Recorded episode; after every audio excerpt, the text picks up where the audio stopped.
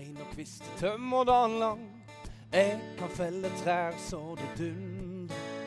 Nå har jeg stått med veden flere uker i strekk, så jeg begynner å bli litt lei. Men jeg vil ikke leve livet i Oslo by når det er så godt å bo på landet. Med alt det som er trang og en flokk med dyr. Du får meg ikke vekk herfra. Nei, du får meg ikke vekk herfra.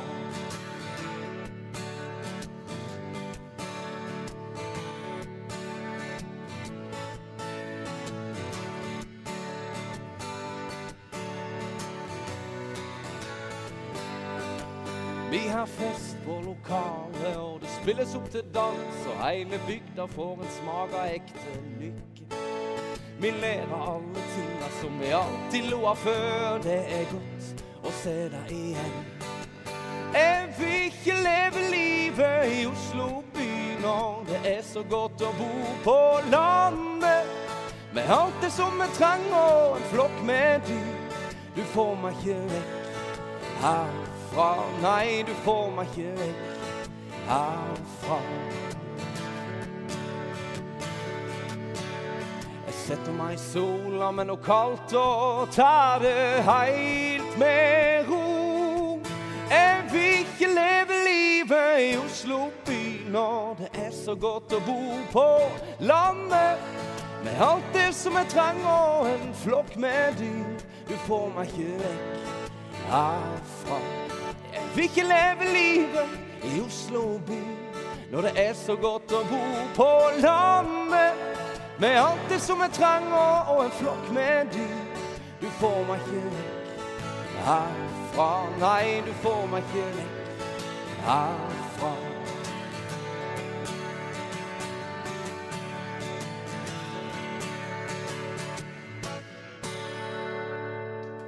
Hjertelig takk.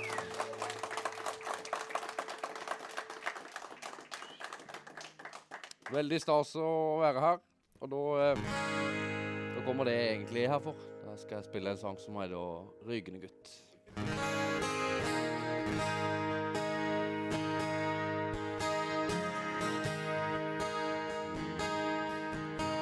Ser en jokerbutikk når du kommer rundt første sving. I rundkjøringa legges det breit med en firhjuling. Fra fabrikken pumpes dampen opp i sky. Tre stjerner på veggen, en kjempeindustri. Du er på ryggen, kom og prøv. Drakta er gul og alt er som før. Ryggen er gutt med nebb og klør. Ryggen er gult og svart. Vi har fanden på bekken og en tiger i mål. På planen ble det fart. Ryggene gult og svart. Med generaler på midten og krutt foran mål. På planen ble det fart.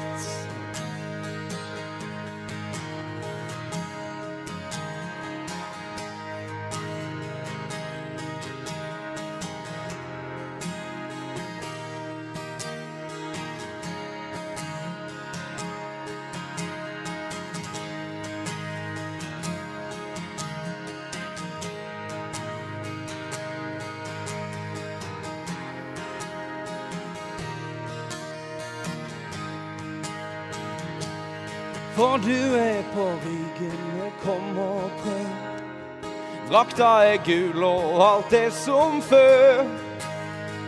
Ryggen er gutt med nebb og klør. Ryggen er gult og svart. Vi har fanden på bekken og en tiger i mål. På planen ble det fart. Regene gult og svart. Med generaler på midten og krutt foran mål. På planen ble det fart. Regene gult og svart. Vi har fanden på bekken og en tiger i mål. På planen ble det fart. Regene gult og svart. Med Stian Rikki på midten og Franki foran mål. På planen ble det fart.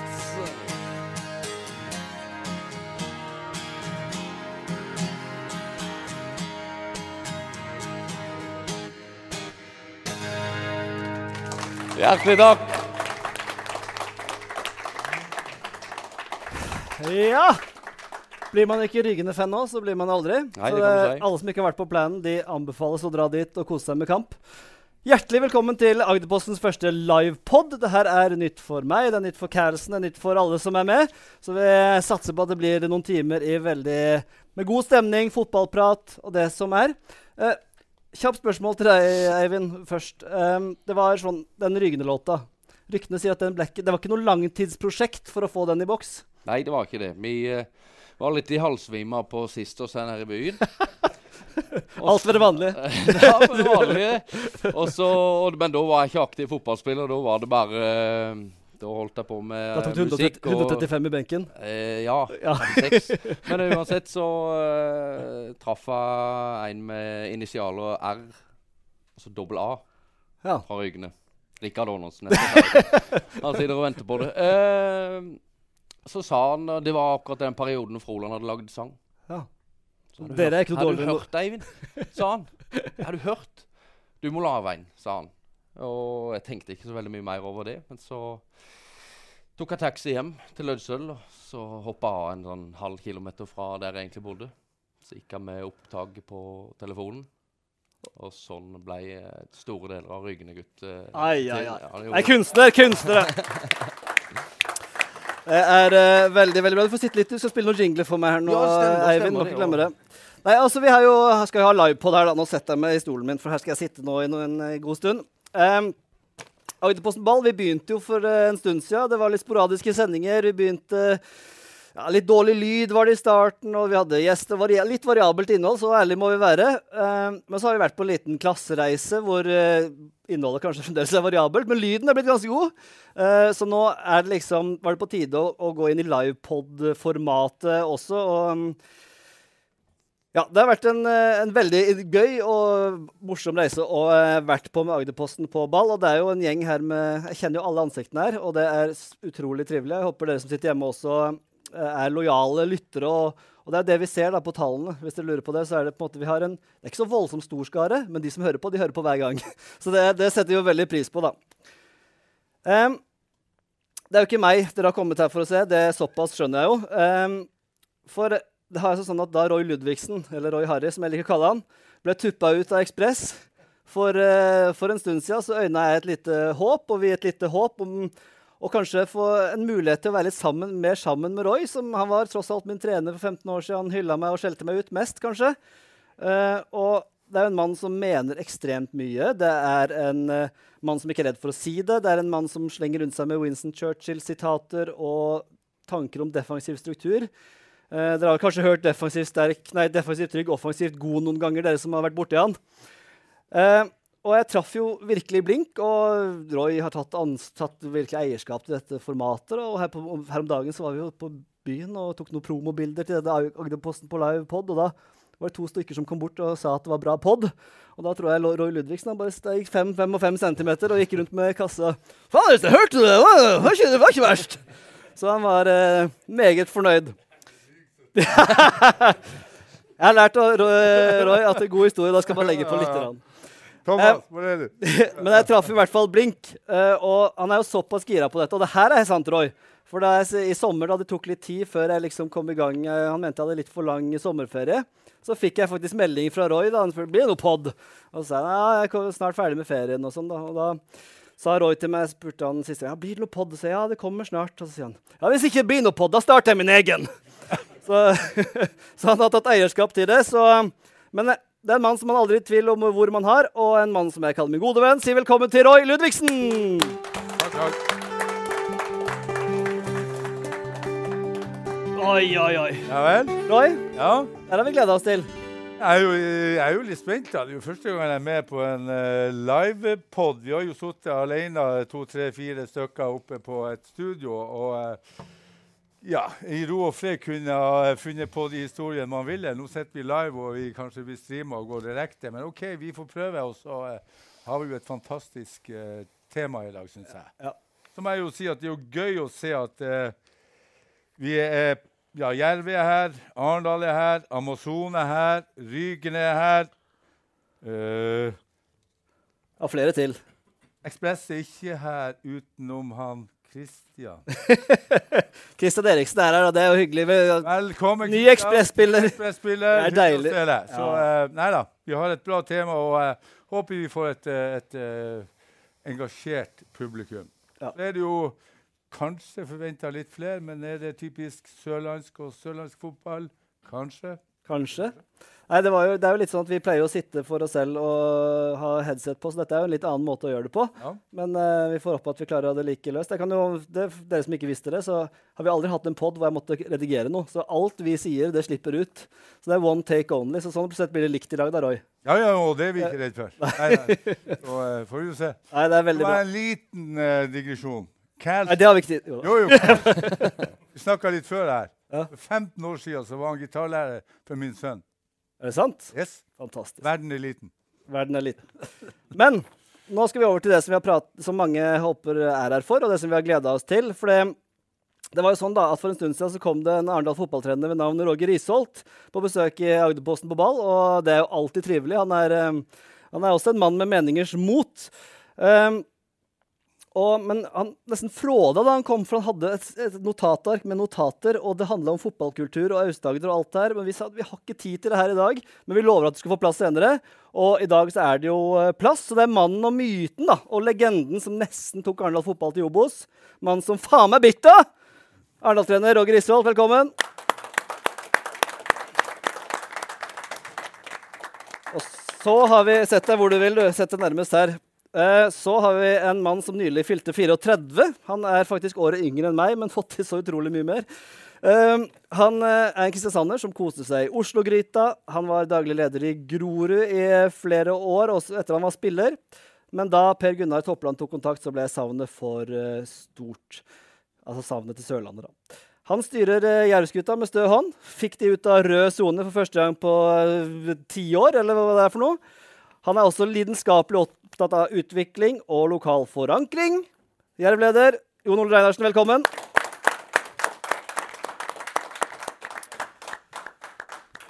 Jeg ser du har med arket i dag òg, Roger. ja. Eh, så til slutt så har vi en mann som jeg ikke har vært så mye Det skal være plass til det treet i den sofaen. Det går fint, det? Ja, ja. Intimt. Ja, ja. En, eh, en mann som jeg ikke har vært så mye sammen med, men som jeg har blitt, har blitt veldig glad i han, selv om jeg ikke har vært så mye sammen. Uh, han har spilt i Aust-Agder-fotballen så lenge jeg kan huske. Han har vært med på eventyr og katastrofen FK Arendal.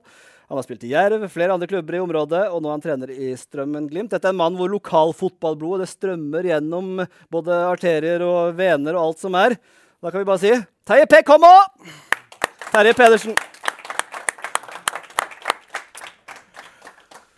Så da har vi satt et slags panel her. Så da skal jeg legge litt sånn eh, rammene for det vi skal prate om nå. Eh, og det er jo sånn, da, at i 2022 så rykka Jerv ned. Ekspress rykka ned. Amazon Grimstad rykka ned. Jerv, eh, Imos rykka ned. Arendal fotball rykka ikke opp. Og i fjerdedivisjon så prega Aust-Agder-lagene De var liksom på nedre halvdel i fjerdedivisjon. Eh, nå rykka det riktignok et lag opp fra sjette divisjon, men der var det jo bare lokale lag, så det skulle jo bare mangle. Og den eneste kanskje positive overraskelsen vi hadde, var Trauma, som eh, virkelig slo fra seg i fjerdedivisjon og kan kanskje ta steget til tredje neste år. Iman Mafi han hadde, ikke her i dag, ser jeg, men eh, han hadde 1000 minutter for Jerv. Thomas Næss, som skal komme senere, han hadde drøyt 60 minutter.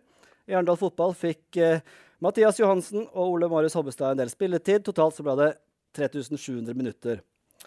Likevel er gapet enormt til f.eks. Odd, som hadde over 10 000 lokale spilleminutter i Eliteserien.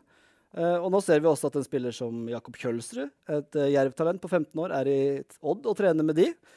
Um, hva sier det om tilbudet vi har her i Aust-Agder? Så det jeg skal spørre om, da, er liksom Hvorfor får vi ikke frem flere gode lokale spillere? Er vi for snille? Er fasilitetene for dårlige? Er trenerne for dårlige?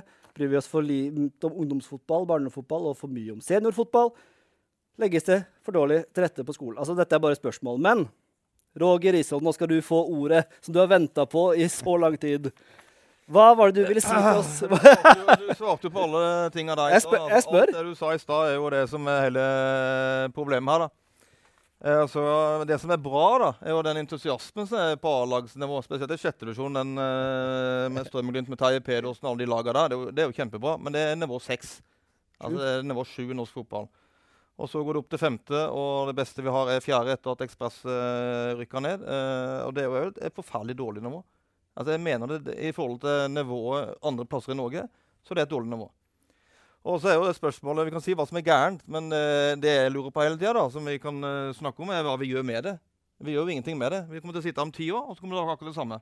Ja, Var det sånn for ti år siden og for 20 år siden? da det var du var sånn for 10 år siden, var sånn jeg spilte for 20 år siden, og da, før det 30 år siden.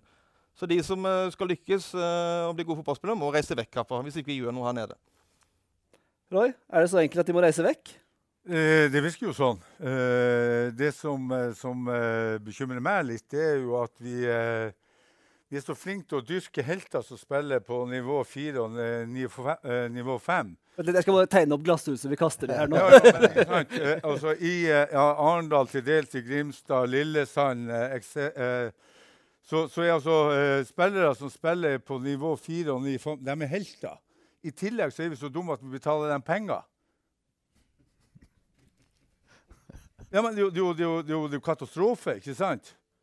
Og, og, de fleste klubbene her som, som eh, i, Jeg skal ikke nevne navn, men i, i, mange av de her klubbene så er det jo også, de er spillerstyrt. De er ikke trenerstyrt. De, de, får lov til å gjøre akkurat hva de vil. Når de kommer på trening, så er det kun for å ha det gøy. Stiller du krav til dem, så blir du kanskje uglesett de rotter seg sammen og lager en uh, klubbkultur som kanskje han, Roger og mange har uh, møtt. I stedet for at du har commitment, der du har spillere som uh, virkelig vil noe, som har lyst til å bli god. Men da har vi ledere og, og, og personer og styre i klubber som finner seg i det. Men hvis vi kan spørre... For, ja, for ja. meg blir det helt på ræva. Og det er jo derfor Agder-fotballen er på det nivået som det er nå.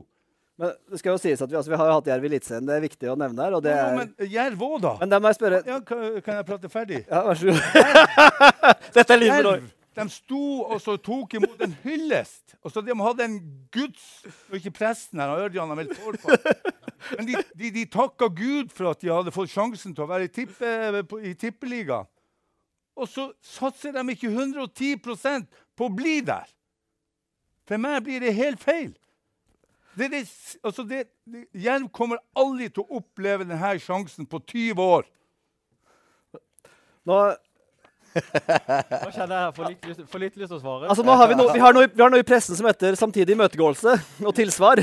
Og det tror jeg vi skal få her. Men, men eh, nå gapte jo Roy over mye her. Men eh, det jeg lurer mest på, du kan jo få svare Roy også, men er jo litt det med, med, med lokale spillere. Hvor, hvorfor, du som har vært i Grorud og er i Jerv nå, og du er i gang med å bygge opp akademiklassifisering og disse tingene. Mm.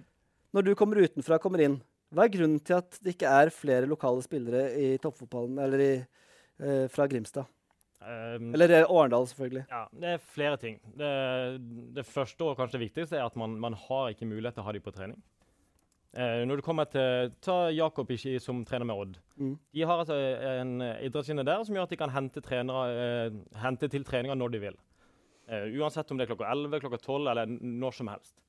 Uh, hadde, hadde, Martin Ødegaard spilt hos oss, så hadde ikke han kunnet trent med A-laget før han var 19 år. Og det er klart at Du ødelegger jo tre-fire år av gode referanser for de den her. Mm. Om det Ta Jakob, f.eks.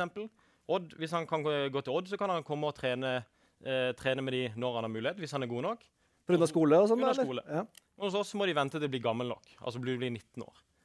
Eh, og det er klart at det ødelegger eh, veldig mye for utviklinga. For det er bare det å kunne trene én gang i uka eh, over en tid, så får de en referanse som de ikke får om de spiller på G16 eller G19 andre steder.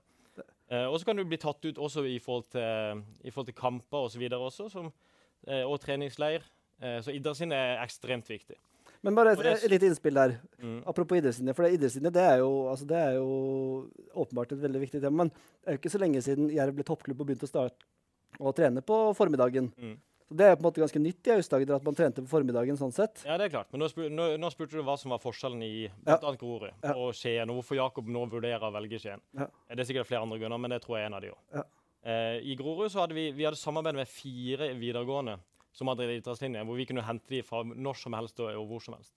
Eh, så det er klart det, Og i tillegg så kunne vi bestemme hva de skulle gjøre på øktene. Vi kunne ha trenerne våre på øktene på idrettslinjene. Mm. Her er det, her, altså her er det møte med, med en ungdomsskole her i, i Grimstad.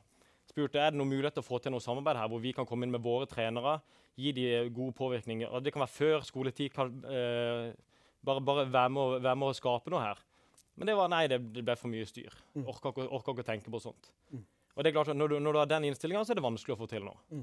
Vi søkte om, eller var sammen med veldig mange andre her, søkte om å få en idrettslinje til Grimstad. Men svaret var at nei, det, det er for mange idrettslinjer og for mange på idrettsfag allerede. Eh, og vi vil heller satse på andre typer type ting. Og det er klart eh, De har jo, må- det, de har jo det fotballinjen på samme eide. det har du. Og der håper vi, håper vi at vi kan eh, få til noe med de også etter hvert. Men, eh, men jeg tror det hadde du fått i, i Grimstad i tillegg. Du ser at det er en etterspørsel der, så det har vært veldig bra. Men det er bare én del, en del av, svaret her. Men idrettslinje er veldig viktig, fordi at de trenger de referansene tidlig. Og akademiklassifisering er et viktig ledd av det også. fordi at Det må du si litt, altså Akademiklassifisering er et, det er et vanskelig ord som jeg føler mange kaster litt rundt seg i fotballen. Og så er det ingen som skjønner helt hva det går på. Meg selv inkludert, selv om jeg har fått det forklart. så Klarer du å forklare det på en enkel måte? Jeg skal forklare det så enkelt som jeg kan. Og det er rett og slett at uh, NFF, eller NTF, vurderer hvor flink klubben er i spillerutvikling. De går igjennom alt fra hva de gjør i forhold til planverk og på treninger når de er fem år, og fram til boa til, til A-laget. De ser på hva er sannsynligheten for at du kan bli en toppspiller ved å være i den klubben. Og så får du en poeng, alt fra, en, eller fra null til fem stjerner. Og der får klubben igjen noe midler ut ifra hvor mange stjerner de får, som skal bli dedikert til spillerutvikling. Og, eh, og der er det mange klubber som da har bygd opp stillingene i utviklingsavdelinga si med de midlene. For det, hvis du skal ha én stjerne, så må du minst ha 200 ansatte. Hvis du skal eh, ha to stjerner, så må du minst ha fire, osv. Som gjør og det blir fullfinansiert av akademiklasseringa. Så jeg vil si at på sikt så kan vi kanskje ha fire til seks ansatte i utviklingsavdelinga som er eh, delvis eller helt finansiert av akademiklasseringa. Jeg må bare ta tak litt, eh, spole litt tilbake det med skole. Terje Pedersen, du jobber jo i skole, men eh, et annet spørsmål. Hadde du vært toppspiller du, hvis du kunne mm, kombinert skole og fotball på en bedre måte? Nei, det tror jeg ikke. Jeg tror det. Nei. Jeg hadde nok ikke hadde nok ikke kommet så mye lenger enn det jeg kom. Jeg var, var nok for snill, rett og slett. Jeg hadde ikke huet til Roger. Det Eh, er ikke, det er ikke noen som har nei, det er det ikke noen som har. Uh, men altså, nå har jo ikke han spurt meg, da. Jeg er jo ungdomsskolelærer. Ja. Har ikke kommet og spurt meg. Jeg hadde selvfølgelig sagt ja. ja. Men, uh, nei, men det har jeg jo sett òg, dette her med skole. Fordi Arendal fotball prøvde jo det samme med, med Sameide. Eh, og, det, og det så du òg, ikke sant, med den der eh, eh, samarbeidet skole-fotball. Det, det funka jo ikke, fordi denne totalbelastninga ble jo så sykt eh, stor og krevende på de her eh, ungdommene at de endte jo med å slutte. De mista jo et helt kull eh, der i Arendal fotball fordi totalbelastninga gjorde at de mista jo lysten på fotball. For de klarte ikke å regulere ikke sant, det med samarbeid med skolen. Ok, Skole er viktig, for du skal ha karakterer på den skolen. Eh, og så skal du plutselig trene to ganger på skolen, og så skal du gå og spille kamp. og så, ja. Så Det må jo være noen som, som på en måte justerer dette. ikke sant? Ja. Og der er det jo viktig at uh, det, det kommer noen inn da, uh, som eh, med riktig kunnskap uh, om, om dette. da. Og så må, jo, altså, så må du ikke sitte heller på hver sin tue. Altså, De må jo kunne klare altså, For de andre fotball vil jo utvikle spilleren. Men skolen er, jo ikke sant, interessert i å De må gi karakterer. De må jo også holde igjen på den biten der. Eh, men, men som Roger sier, altså, dette her med, med de ungguttene òg, så er det jo sånn som altså, Fra Roy starta den treningskulturen her i Arendal. da. Han og Totto var jo uh, foregangsfigurer på, på litt mer trening her nede på Sørlandet. Uh, men de siste åra syns jeg liksom de her unggutta òg ikke er like interessert som, som vi var. Det, det, er der, det er ikke den attityden som Roger og, og Roy snakker om. de, de har ikke den der indre motivasjonen til å, til å bli så mye bedre. Hva er det som gjør det? Altså, jeg tenker sånn, jeg har jo min, min svigerfamilie kommer fra Lyngdal. Mm. Som jeg synes er et kjempegodt eksempel på, på hva altså, De hadde nå Tor Strandberg Ryerson, de har uh, Slatko, de har Markovic-brødrene. Altså, de, har, de fostrer opp toppspillere etter toppspillere, og det er et mye mindre sted enn både Arendal og Grimstad. Men det de har, er jo kanskje Uh, en annen kultur. Da. Og, og så har de en, ting, en annen ting da, som jeg vil også spørre dere om, er jo dette med fasiliteter. For de har jo fire treerbaner med vant i, lina opp, og innebane og alt. Uh, så Men det har jo vært jo sånn at uh, de beste har jo trukket litt mot uh, altså østover kontra vestover. Mm. Altså mot uh, Odd-Oslo-området. Eh, for Start har liksom ikke heller vært på ball opp igjennom med, med talentet her i, i Agder. Øst i Agder. Bare, altså for bare skyt inn, gutter. Det er bare å skyte. 17-18 år siden, PP, så Ja. var du og Olsbu oppe og hospiterte hos Bodø-Glimt. Ja, Hadde ikke vært for han der Runar Berg, så hadde ja. Men altså, eh, det, det er 17-18 år siden, så drar dere opp og så møter dere en kultur som er så forskjellig fra det som er på Sørlandet. Hva, hva, hva tenkte du da, når du kom opp dit? Nei, det kom jo hjem med beinhinnebetennelse. Ja, Så det var jo liksom eh, Det var jo uh, sjokkprega. Det var Ja. jo Men det var jo, eh, det var jo litt proffere enn det vi var vant til, da.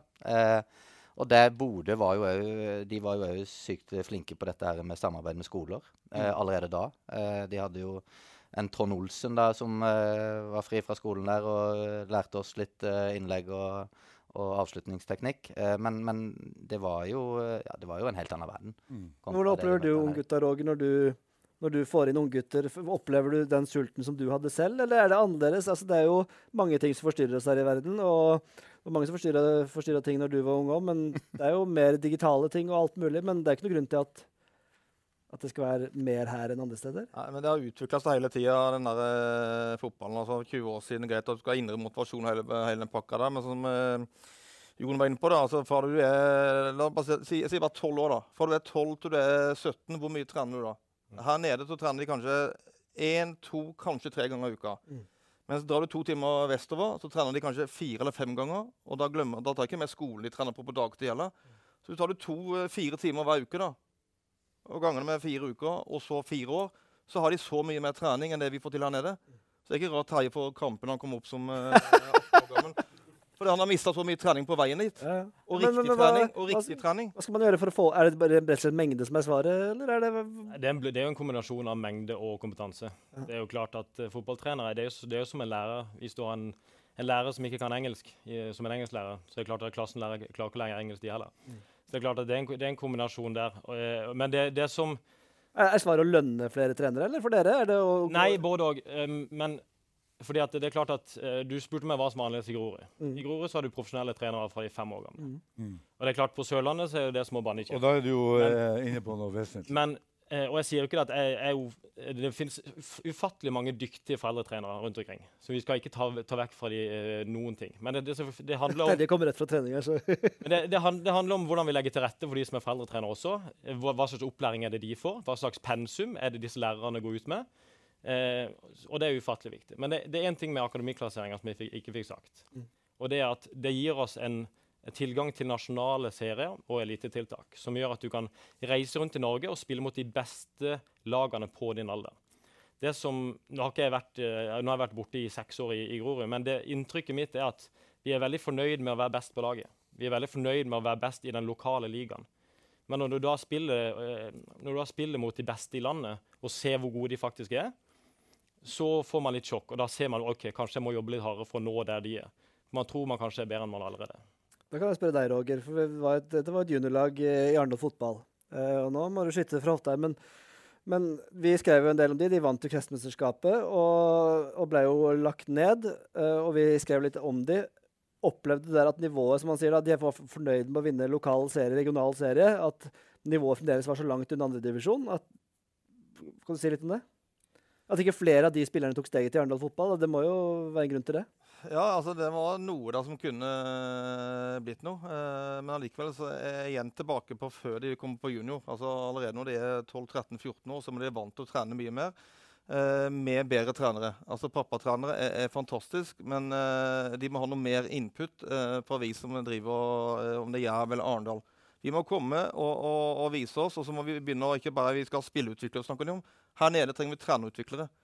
Jeg har vært på, på kurs i Oslo nå. Eh, der er det tredjevisjonslag og fjerdedivisjonslag som har ansatt eh, spilleutviklere og trenerutviklere i egen Men, klubb. men det må jo være økonomi til det, da. Altså, Det det, fotball til Jerv, altså, det, må jo, det, må jo, det er ikke gratis å lønne trenere. Hvis du kan få Abs en absolutt ikke. Og du ser eh, mange av de store akademiene rundt, rundt omkring i Norge tar jo store summer for å være med. Ta Stabæk Akademi og, og flere der hvor du faktisk må ha ganske mye penger for å få lov til å være med. Eh, og det er måten de driver på. Men, men uh, jeg tror det, det er ufattelig viktig, det du er inne på der, med trenerutviklere og spillerutviklere altså i, i den alderen der. For det er klart at Du kan ikke forvente at du på en måte, du, å starte å lære når du er 15. Da er du, da er du sjanseløs. Den, det du lærer fram til du er 15, er så ufattelig viktig. Og Der har vi nok mye å gå på, men det, det er jeg ganske trygg på. jeg, jeg, men jeg føler liksom, jeg vet ikke om dere her er enige og Roy er enig, men jeg føler det her er Hadde vi spolt tilbake ti år, så hadde man sagt akkurat det samme. Hvor er det liksom altså, er, er det penger å stå på, Roy, bare som gjør at man ikke Ja, altså Hvis Arendal og Jerv har ambisjoner eh, om å eh, være i toppserien eller i Obos-ligaen, whatever, så må jo næringslivet være med. Altså Hvis, hvis klubben har høyere ambisjoner enn en, enn næringslivet er villig til å spytte inn, så er vi på feil eh, veier. Vi kan ikke være avhengig av Knut eh, eller Jan Sigurd. For hvis de trekker ut proppen, så er det uh, all over. Og så er det også sånn at ja, foreldretrener det er utrolig viktig. Men skal foreldretrenerne fokus, ha fokus i en breddeklubb eller en toppklubb? Og en, en, en foreldretrener, altså Hvis du går til en klubb og så sier du ok, skal ha, alle skal ha uh, trener 1, er det det heter nå? Den skifter jo navn som eh, Roger har forresten har fått lisensen som A-trener. Gratulerer, han. Men, eh, eh, men foreldretrenere som ikke har et snev av fotballkunnskap altså det, blir ikke, det blir jo ikke læring, det blir jo vranglære. Altså, da, for meg er det jo utrolig viktig, som han, eh, Jon Ole sier, du må begynne å ha topptrenere, de beste trenerne, nesten nede i fem-seks. Jeg har vært på Ajax-akademiet to-tre ganger og sett. Det er topptrenere som kommer når de kommer seksåringene klokka åtte. Men de, de Åtteåringene klokka halv ni. de topptrenere kommer jo ikke hvis ikke de har masse for penger. Nei, Altså, men det jo jeg si, sier, vi må jo ha økonomi til Ja, ja. det. Og så er det en kombinasjon her også.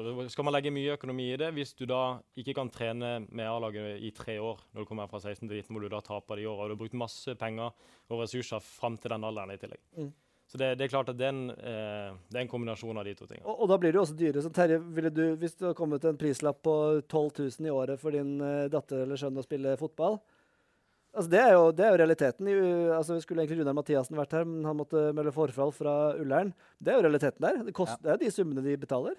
Ja, og da er du jo Kan tenke tilbake til Overskriften i Agderposten da. Ja. Nei, men eh, og da er, ikke sant, eh, da er du tilbake til Norges Fotballforbund. Altså flest mulig, lengst mulig. Mm. Så må vi jo liksom For det er jo det altså, det nåløyet. å komme gjennom og så bli liksom eh, proff. Altså Så har du alle de andre.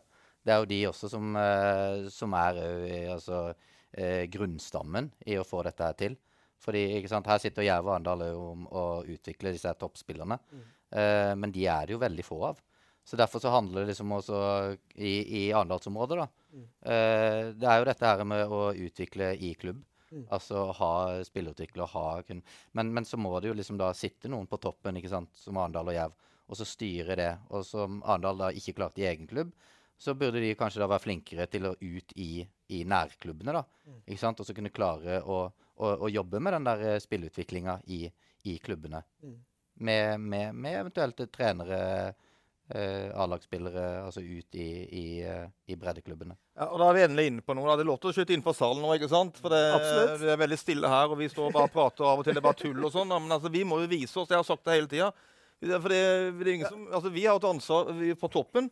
Og vi, vi har verken juniorlag eller andre lag. Vi har ingenting, vi. Så vi er helt avhengig av de som er under oss. eh, i Fjerde divisjon, femte divisjon, sjette divisjon. Eh, guttelag, gutter 12 og 14. At de får hjelp. Og hvem skal hjelpe de? Det går, Alt henger jo sammen. Ja, er Hvis ikke vi begynner å bidra, eh, så står vi stille. Jeg er jo totalt uenig med deg, Roger. Ja, Hvorfor? Er jo, altså, du kan jo ikke forvente at Trauma, Ekspress og Hisøya skal eh, fòre dere med spillere uten at dere skal gi noe tilbake. Det er jo akkurat det jeg sier, jo. Det er akkurat det jeg prøver å si. det, At vi må begynne å bidra inn mot Helt dem. Helt men da er vi enige. Og Da, ja, for det, vi har stått der men du kan ikke forvente at Ekspress og Hisøy og Trauma skal drive eh, spillutvikling uten å få noen ting igjen uh, av, av, av Jerv eller, eller Arendal som er toppklubber. For meg blir det jo helt på uh, lugget for, altså. Ja, for det er et poeng. Altså skal, man ut, skal, skal toppklubbene ut og sette sitt preg på det, så, så, så setter man jo litt Du snakka om det forrige gang, at det er ingen som har spurt. Men er dere aktive f.eks. i Jerv da, og gå ut i klubbene? Er det noe dere har fokus på? Eller bruke altså som Man sier da, som Roy sier, eh, skal de få noe tilbake for å legge inn de der eh, de timene? For en klubb som Hisøy har ikke råd til å lønne en eh, G6-trener. Nei, det er klart. Og det, Eller G6. klubb, klubber gjør det på forskjellige måter. Det er, jo, det er jo andre lag også som ikke har fullstendig utviklingsvurdering, som, som Bodø-Glimt f.eks., som da heller bruke ressursene på ute i nærmiljøet og hjelpe til eh, der. Eh, og Det er noe vi, vi har starta med òg. Vi deler jo alt av planverk, eh, alt av øktplaner sånn som vi har, til alle lokale klubber som ønsker. For å være med og bidra for at, for at alle klubbene skal, skal få et godt planverk og en, en god base der. Uh, og så er det jo sånn at uh, klubber, hvis noen virkelig lykkes og blir solgt videre, så sitter jo Trauma og de andre klubbene også igjen med solidaritetsmidler osv. Eh, så man, men det er helt sikkert masse annet også som vi kunne gjort for å, eh, for å bedre det ut i andre klubber. Men eh, vi har nå samarbeid med, med både Ekspress og Imos og flere andre. Eh, og jeg, jeg føler vi er i gang å starte et, et bedre samarbeid med mange andre også, som jeg tror blir bra på sikt. Nå sitter jo daglig leder i Arendal Fotball på troppen her også. og- Men når du setter ned og skriver budsjettet Dere har jo det er litt utfordrende Jerv har innimellom. Nå er dere i gul sone. Men hvor, altså da går jo mye av lønnsmidler videre til spillere osv. Hvor stor av del av budsjettet går til å lønne trenere? Altså Som er, ikke er A-lagstrenere? Eh, jeg skal være forsiktig med å si tall på, på for vi har såpass få trenere at da kan folk regne ut hva de tjener. Men, eh, men det er klart at det, vi, skal, vi har 200% ansatte neste år i utviklingsavdelingen vår. I tillegg til flere små stillinger. Mm. Det har vi.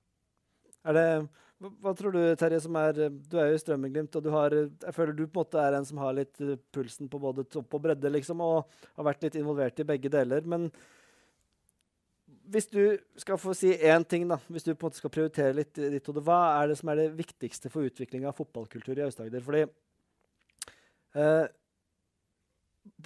både det du sier om å skape toppspillere, men også det for å bevare bredden. Er det mulig, eller må man liksom ta et valg? Shit, nå må vi skape toppspillere, nå gir vi blanke de som bare spiller for gøy. Ledende spørsmål. Ja, det er ledende spørsmål.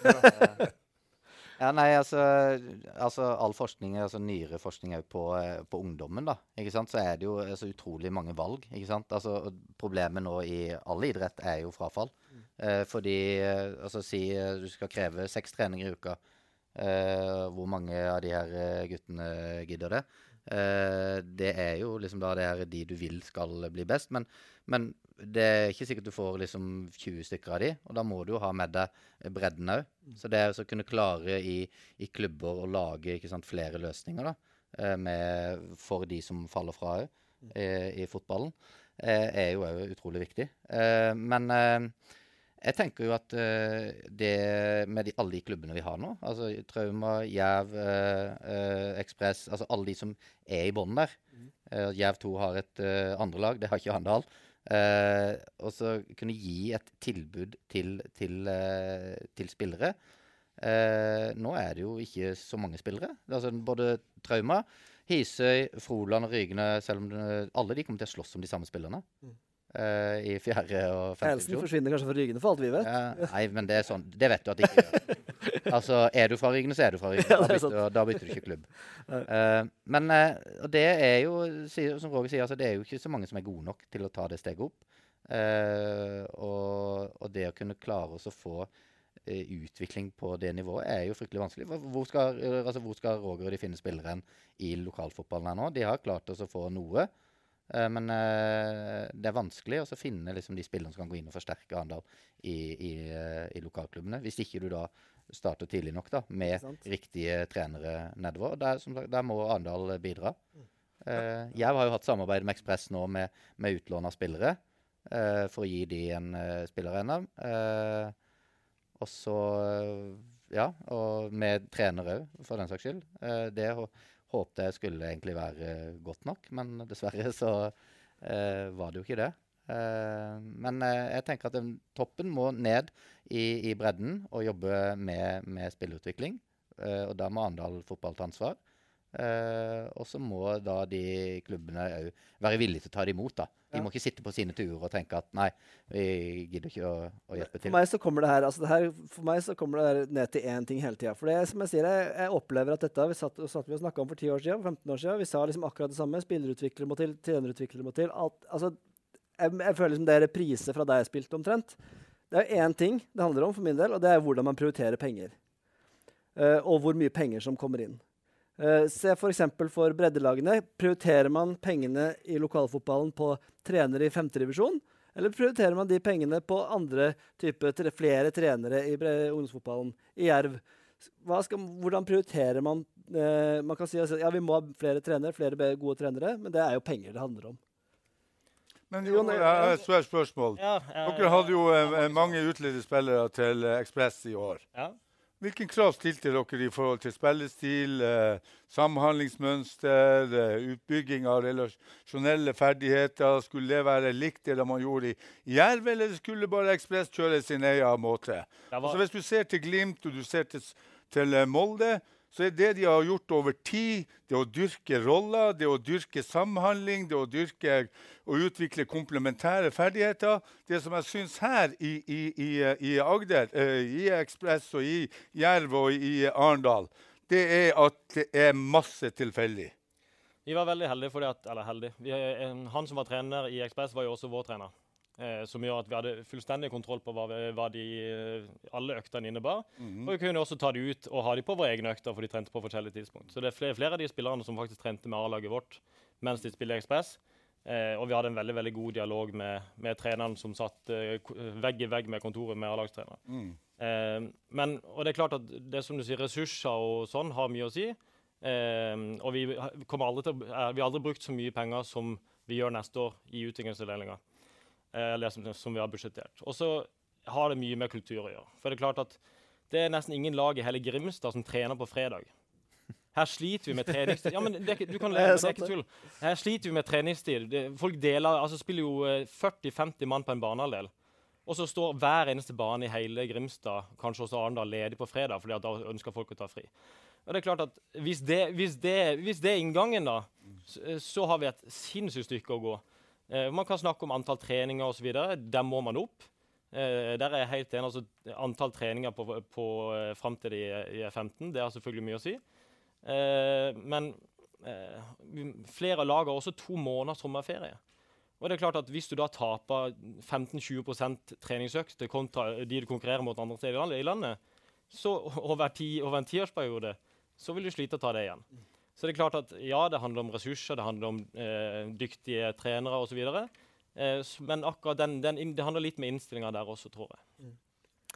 Kulturen i altså, Hvorfor har det blitt sånn på Sørlandet, på, i Aust-Agder spesielt? da, Kanskje, Roger, er ditt inntrykk? Hvorfor er, det, hvorfor er vi late og gidder ikke å trene nok? Og, altså, for det er ikke folk, antall folk, det kan vi ikke skylde på. Det har vi gjort litt før. Men Det er ikke attraktivt nok Altså det er ikke attraktivt nok det å komme på trening. Altså Er, det trenerressurser der ute som det akkurat som en lærer, når han motiverer og at det skal være gøy Altså, trenger du ikke å være så jævla avansert når det er 12-14, men det skal være gøy og det skal være nok økter. Og så må det være et læringsbilde under de øktene. Det kan være 20 minutter det, i begynnelsen. Vi må begynne en plass.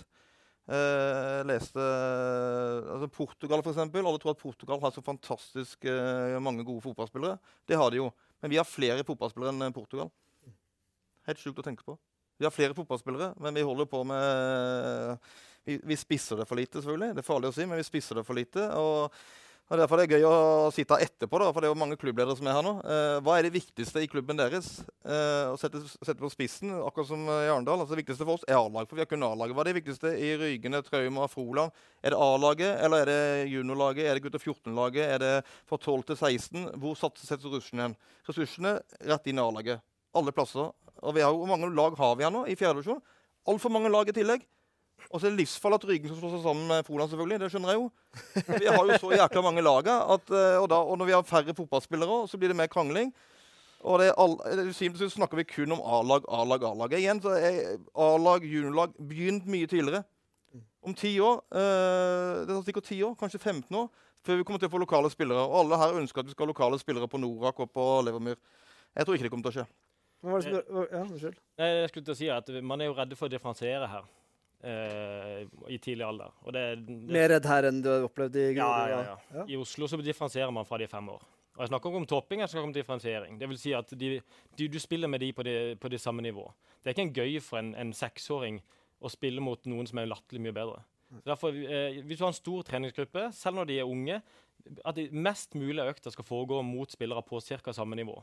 De som er jeg de, de, minst, eller de dårligste i gruppa, kan, kan trene sammen i forskjellige øvelser. Og da får de føle mestring også. Men vi er livredde for å differensiere. Når de, og selvfølgelig, når de er seks år, skal de spille like mye. De skal spille med kompisene sine osv. Der, der kan jeg være med.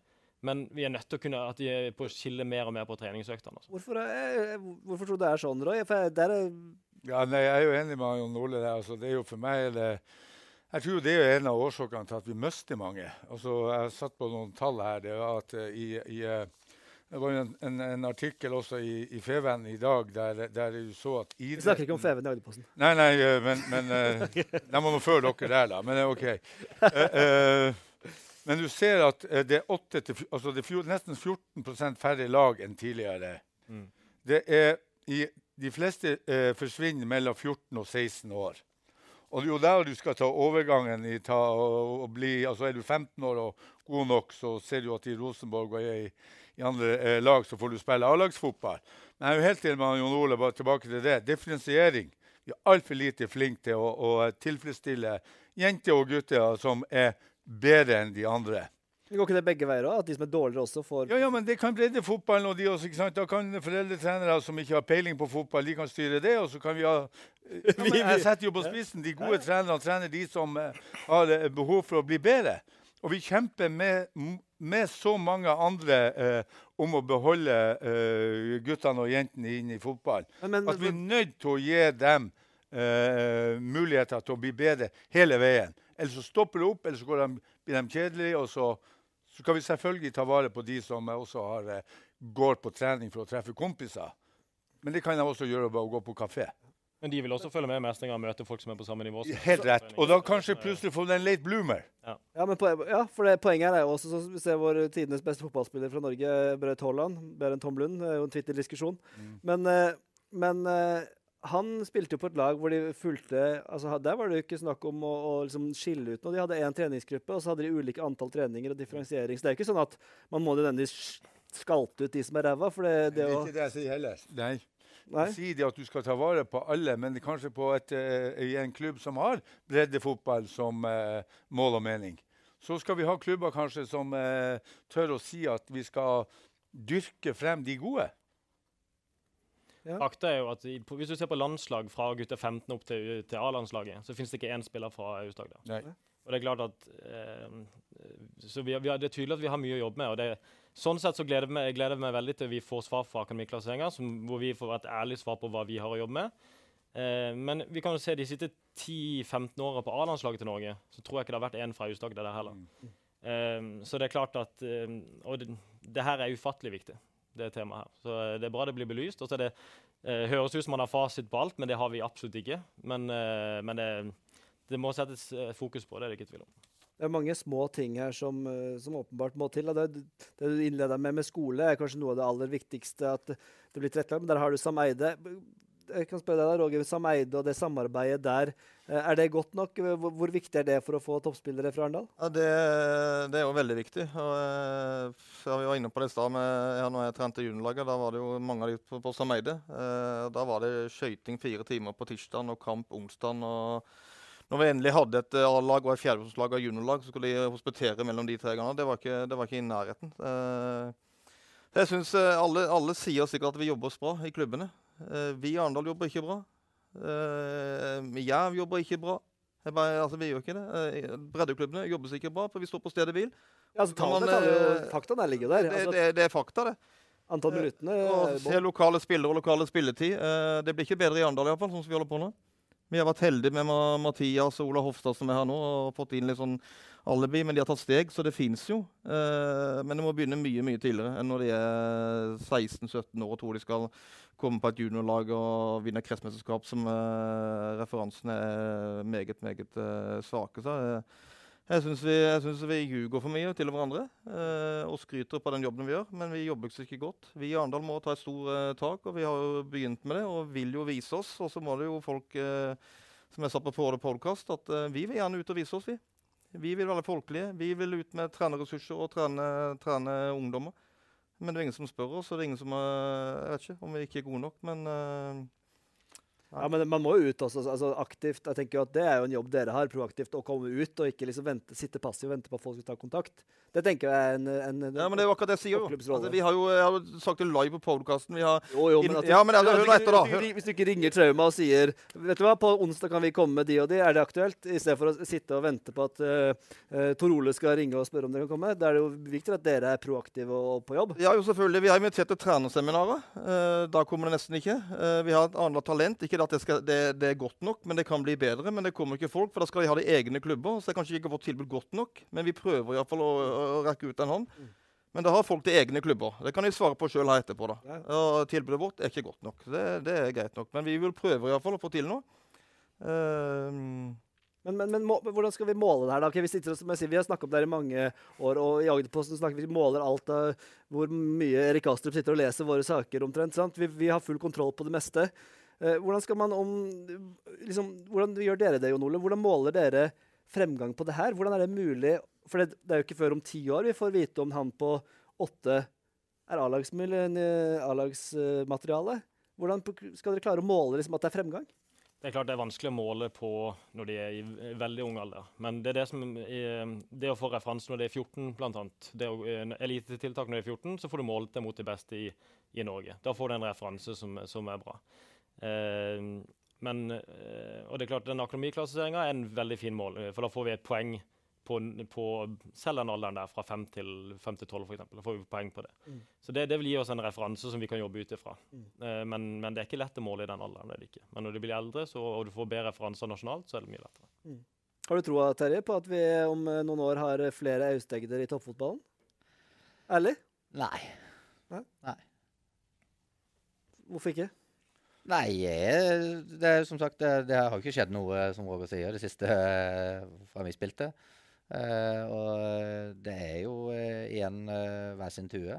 Eh, og så eh, er det, er det Jeg tror rett og slett det går litt på mentaliteten òg, på, på de unggutta som, vi- som vi ser. Altså, det ser jeg jo her på skolen òg. Mm. Det, det, motgang er jo ikke akkurat eh, ungdommen eh, bygd for. Så det, du, du finner liksom ikke de der eh, med den attityden eh, som, som var tidligere. Eller det er et veldig fåtall av de. Eh, og så, ja, så må vi ikke glemme, som sagt, Uh, alle de andre òg. Altså, toppspillere, ja, det er jo én ting, men så er det liksom alle de andre. Og de er jo Toppspillerne er jo avhengig av at de er der i et lag for å få det til. Uh, sånn å, å greie å få med alle sammen. Som du snakker om Braut Haaland, det, det, det er en del der han spilte sammen med, og så er det en som uh, skinner. Uh, men uh, det var jo laget som liksom òg var der. Hvis, ikke, hvis alle hadde slutta, så Hvor viktig er det å få inn sånn som Nordland med andre referanser? Roger som kommer litt fra, fra utsida, på en måte vært noen år ute. Hvor viktig er det å få noen ferske mm, tanker og referanser hit til Aust-Agder? Vi Jeg tenker, altså, jeg har eh, sett eh, dokumentarer om Grorud. altså der, eh, det, Den der jobben det gjøres i ungdomsavdelingene der, og hvordan du får det til, er jo utrolig spennende. Eh, Roger har jo, jo klart å løfte litt trøkk i Arendal, skape litt engasjement. eh, og, men men igjen så er det det, det, det er vanskelig jo å, å, å bry seg om det lokale, om Arendal, når det liksom Når det er kun Mathias som, som er der igjen. For, for å få folk. altså Det var jo det som, som var med Arendal fotball. Da var det jo bare lokale. så Selv om det var tredjedivisjon, så, så kom folk, og da kjente noen noen. Men ikke sant, dansker og svensker og en uh, nordmø, sunnmøring og noe sånt på Det- det, det, det blir jo liksom ikke det samme lokale engasjementet. Eh, og det er jo det som er utrolig vanskelig. Og det er utgangspunkt for denne, det vi snakker om nå. Er jo, handler jo bare om at vi ønsker at det skal være mer trøkk på, på, rundt lagene. Og, Ja. og Jerv har jo fått litt sånn automatisk løft med Eliteserien, selvfølgelig. Men det blir jo spennende å se hvordan det er tilbake i Obos nå. Liksom litt tilbake til hverdagen der også. Hvor, ja, så, men, men Roy, Nei, jeg, Sånn, jeg, vi- litt for noterer her og, og tenker altså, Jeg tror mange av klubbene her ikke er strukturert nok. Altså Man lager en, en sportsplan som skal gjennomsyre klubben. Spillestil, utvikling av spillere, utvikling av lag som går på samhandling, relasjonelle ferdigheter, alt det her. Så skifter laget trener. Man har brukt kanskje fem år på å implementere den spillestilen, den sportsplan som man har jobba med for å bli kvalitetsklubb. Og så skifter man trener, og så er faen meg den perma rett inn i dass. Rett inn i veggen. Og så starter man på nytt, for da får man en ny trener som har tatt et eller annet jævla kurs. Og så begynner man på nytt igjen. Og så er det alt i dass som har eh, eh, brukt. Og for meg er uh, klubben er altfor eh, dårlig styrt ut ifra en sportsplan som er nedfelt. Og det Og, da, og det går på struktur. Tør å stå på den veien som du har begynt å stake ut på. Og så skifter du system som andre skifter truse. Ja, men det er jo sant. Det altså, det er jo, det er jo det er forferdelig. ja, men nå snakker du også om nedover i klubbene. Da. Jeg snakker om nedover i klubbene, jeg snakker om Ja, i Trauma, jeg snakker om i Arendal og i Jerv. Altså, for meg, altså, du, Se på Bodø-Glimt, se på Molde. Se hva de har gjort. De har valgt én vei, og den veien følger de. Og det, Terje, den begynte, De begynte på med Øystein Gaarde den gangen du dro opp dit. Da begynte han å filme hvordan du skal bekle rollene dine. Da tok det 18 år før de var Og det tar tid, det, er jo det Ja, også. men De har vært oppi der også og vunnet noe cupmesterskap og ditten og datten. Men ting tar tid. Og så tar du bare og så river du sund alt, og så kaster du det i dass, og så skjøller du det ned. For meg er det katastrofe. Vær tålmodig. Bygg stein på stein. Ha en solid grunnmur, og så kan du begynne å jobbe ut ifra det. Ja, det er, Men vær nå tro mot det du har er nedfelt i statut, eh, statuttene dine. Ikke skift og hopp rundt som en, en, en Jeg vet ikke. Men det er jo litt spennende. Altså, Ja, men, ja, men hør nå. Lillesand de brukte 50 spillere i år. Hæ? 50 spillere? Hvor er commitment i forhold til de spillerne som har sagt ja til å være med på noe? Hæ? Ekspress over 30. Strømmen-Glimt. Strømming rundt 150. Ja, men, men, et, poeng, et poeng som Roya er jo nettopp dette tålmodighet. At man må tro mot det man driver med. Og nå har jo dere hatt en A-lagstrener en stund. Og Roger altså begynner jo, det begynner å bli et par år i hvert fall på baken. Eh, er det vanskelig å være tålmodig Nå, skal, nå må vi gå inn for landing her, men, men hvor vanskelig er det å være tålmodig? For jeg vet jo at vi trykker jo på, vi som er i pressen, folk som er rundt. De vil jo ha De, de, de har ikke tid til å vente i fem år. Nei, det, men det, I de største klubbene så er det nok mer eh, press på å ha resultater her og nå. Jeg føler ikke det sånn i, i Jerv. Så det er klart at uh, Vi skulle ønske at det gikk bedre i år. Jeg er litt spent på hva du mener om at vi ikke satser 110 så det kan du gjerne utdype. Ja det kan jeg. Ja, du kan få lov med en gang. Nei, eh, det har jeg sagt i podkasten og jeg vet ikke om du har hørt den. Men jeg syns jo at næringslivet i Grimstad ikke var flink nok til å støtte opp under dere for å hente kanskje, kanskje klasse 1, klasse 2-spillere som gjør at dere var sterke nok til å avgjøre de kampene der de, de lå og, og vippa. For har dere hatt tre-fire-fem seire til, så har dere faktisk eh, beholdt dere. Jeg hadde ikke sagt nei takk til noe mer penger Nei, og det- det- Men det det skal sies at ja. markedsbudsjettet eh, jeg tror det økte med 130-140 fra i fjor. Så Ja, det det er er klart at næringslivet, næringslivet støtter bra opp, så vi, vi skal ikke bare skylde på de. Men Nei, og det gjør jeg heller ikke. Men jeg syns this, this is a uh, lifetime uh, opportunity. ikke sant? Gå inn, gå ut. Og så syns jeg jo næringslivet skulle ha kommet med, med åpen lommebok og sagt Jon Ole, her har du penger. Kjøp. det er klart, men det er, ikke, det er ikke alltid sånn det fungerer. Nei, Nå, nå, nå føler jeg vi sporer litt av fra Det, det som er fint, er at næringslivet er fortsatt med, selv om vi, har, selv om vi rykker ned. Og det er fantastisk. Det er fantastisk. Som gjør at vi kan fortsette den satsinga Jeg, jeg, jeg slår ikke Det beina under de som har vært med. Men jeg, jeg, dette var en engangs mulighet. Så her skulle man ha kommet med kommer det inn det så tre-fire millioner og sagt vær så god, kjøp. Ja, men Temaet er jo fremdeles eh, fotballkulturen i Aust-Agder. og Det, det Roy og de snakker om nå det Ja, da, vi sporer spora litt av her nå. Nå Det, Ja, det er poenget vårt. Det, det er jo det vi driver med, Roger. Hva gjør vi med de som er gode fra 12 til 16 år? Hvor mye trener de i hver enkelt klubb? Der syns jeg det største problemet. Det er min kjepphest. Hva gjør de når de det er er men det er noe man kan se resultater av med en gang. Altså Det kan man måle i må i- om en måned. Hvor mye trener de? Går Arendal fotball? Har de noen som ser på det? Har de noen som sier OK, vi går og ser på Hisøy, vi ser på Trauma, vi ser på Grane, vi ser på alle de. Hvor mange ganger trener de i uka? Og så sier vi OK, vi har et mål om at de skal øke én gang i snitt. Har du noen som måler sånne ting? Altså Vi kan godt sitte og si det, men det må jo ha noen som faktisk følger opp og måler det. Og så glemmer, du man glemmer jo ett element her, og det er jo kretsen. Det, noe av oppgaven til kretsen er jo det vi snakker om her i forhold til spillerutvikling, i forhold til klubbbygging, eh, i forhold til sonesamlinger som er. Eh, så de må også eh, håper jeg, inkluderes i, i debatten her. For, det, eh, eh, og for hva, hva, om klubbene er fornøyd eller ikke med, med opplegget der, det, eh, det skal klubbene få til å svare på sjøl. Men det, Jeg leser litt mellom linjene. her, det, det ligger jo også noe inni der. ikke sant? Jeg kjenner jo at vi kunne prata Jeg kjenner jo pulsen til Roger helt hit, så vi kunne jo holdt på lenge her nå. Men, men uh, før vi runder av og skal ha en Kahoot om lokalfotballen, så lurer jeg på om det er noen spørsmål fra salen? Om det er noen som, er noe, som brenner inne med noe? Så har vi jo for så vidt en mikrofon som Nei. Da For nå er det sånn at vi har mista Roger og Jon Ole og uh, Terje herfra, og vi skal gå videre. Eh, det er litt rart å snakke Nå skal jeg liksom introdusere deg. Liksom, og skal du Skal jeg komme gå inn. ut? Jeg kan gå Ja, kan du igjen, gå ut igjen? Ja, det er Veldig fint. Kjempefint. Det blir, ser mye bedre ut. da, Hvis ikke så må jeg stå og se deg inn i øynene når jeg sier gøye ting om deg. Ja. Denne unggutten fikk sin eliteseriedebut i 2022. Dermed kom han på en svært celeber liste som har eh, Grimstad-spillere med spill på øverste nivå. Dessverre ble slutten av sesongen prega av skade. Og eh, som talent da, så valgte han bort Norge og Sørlandet. Han dro til USA for å utvikle seg. Hvorfor gjorde han det? Kanskje får vi svaret i dag. Mann med de tusen sveiser og deilige innlegg, Thomas Linernes.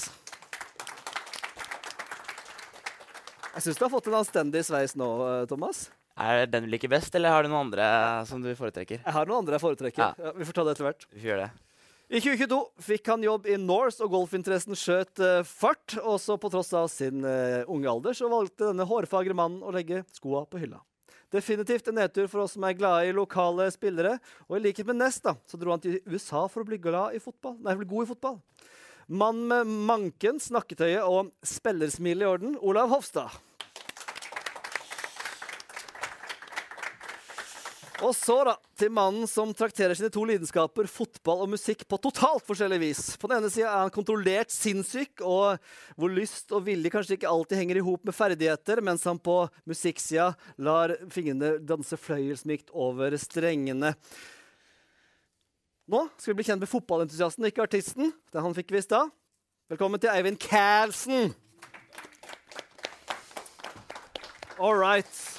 Nå er nok fjas og fjas her, gutter. Nå har dere sittet og hørt på gamlegutta si at alt er eh, dritt og møkk. Eh, dere dro til USA. Vi kan begynne med deg da, Thomas. Du har fått en eliteseriedebut i år. Det er jo helt fantastisk. En av få lokale spillere som har fått eliteseriespill. Jeg er nysgjerrig på å spørre deg først. Hvorfor dro du til USA, og hvorfor ble du ikke igjen i Aust-Agder for å bli eh, fotballspiller? Nei, det er jo veldig sammensatt, da. Men uh, da jeg var 19 år, så fikk jeg beskjed om at ikke jeg kom til å bli tilbudt på kontakt. Eh, så da var jeg litt sånn Hva gjør jeg neste? Uh, og da endte jeg opp med å dra på prøvespill i Vindbjørn først. Var der og fikk eh, tilbud om kjøregodtgjørelse for å spille Vennesla. Ja, men Den kan være stor, den. da. Ja, ja. Så den, uh, men det var den ikke, kan jeg bare si. Uh, så da endte jeg opp med å spille der frem til sommeren. Eh, og så, sammen, mens jeg spilte på Finnbjart, så lukta jeg på USA, da. Uh, mye fordi både Ola, Ola var der, og Iman hadde vært der. Og begge hjalp meg. Uh, men grunnen til at jeg dro der, var jo egentlig bare for at jeg følte at jeg sto veldig på på stedet hvil sånn fotballmessig. At det var liksom spille, venn, ja, spille i Vindbjart og pendle til Vennesla. Eller så var det ikke så veldig mye annet tilbud for meg, da. Eh, og da var det jo litt mer sexy å dra til Florida og da på det største universitetet der. Og uh, også som i ettertid eh, har vist seg å være veldig bra for utviklinga mi. Mm.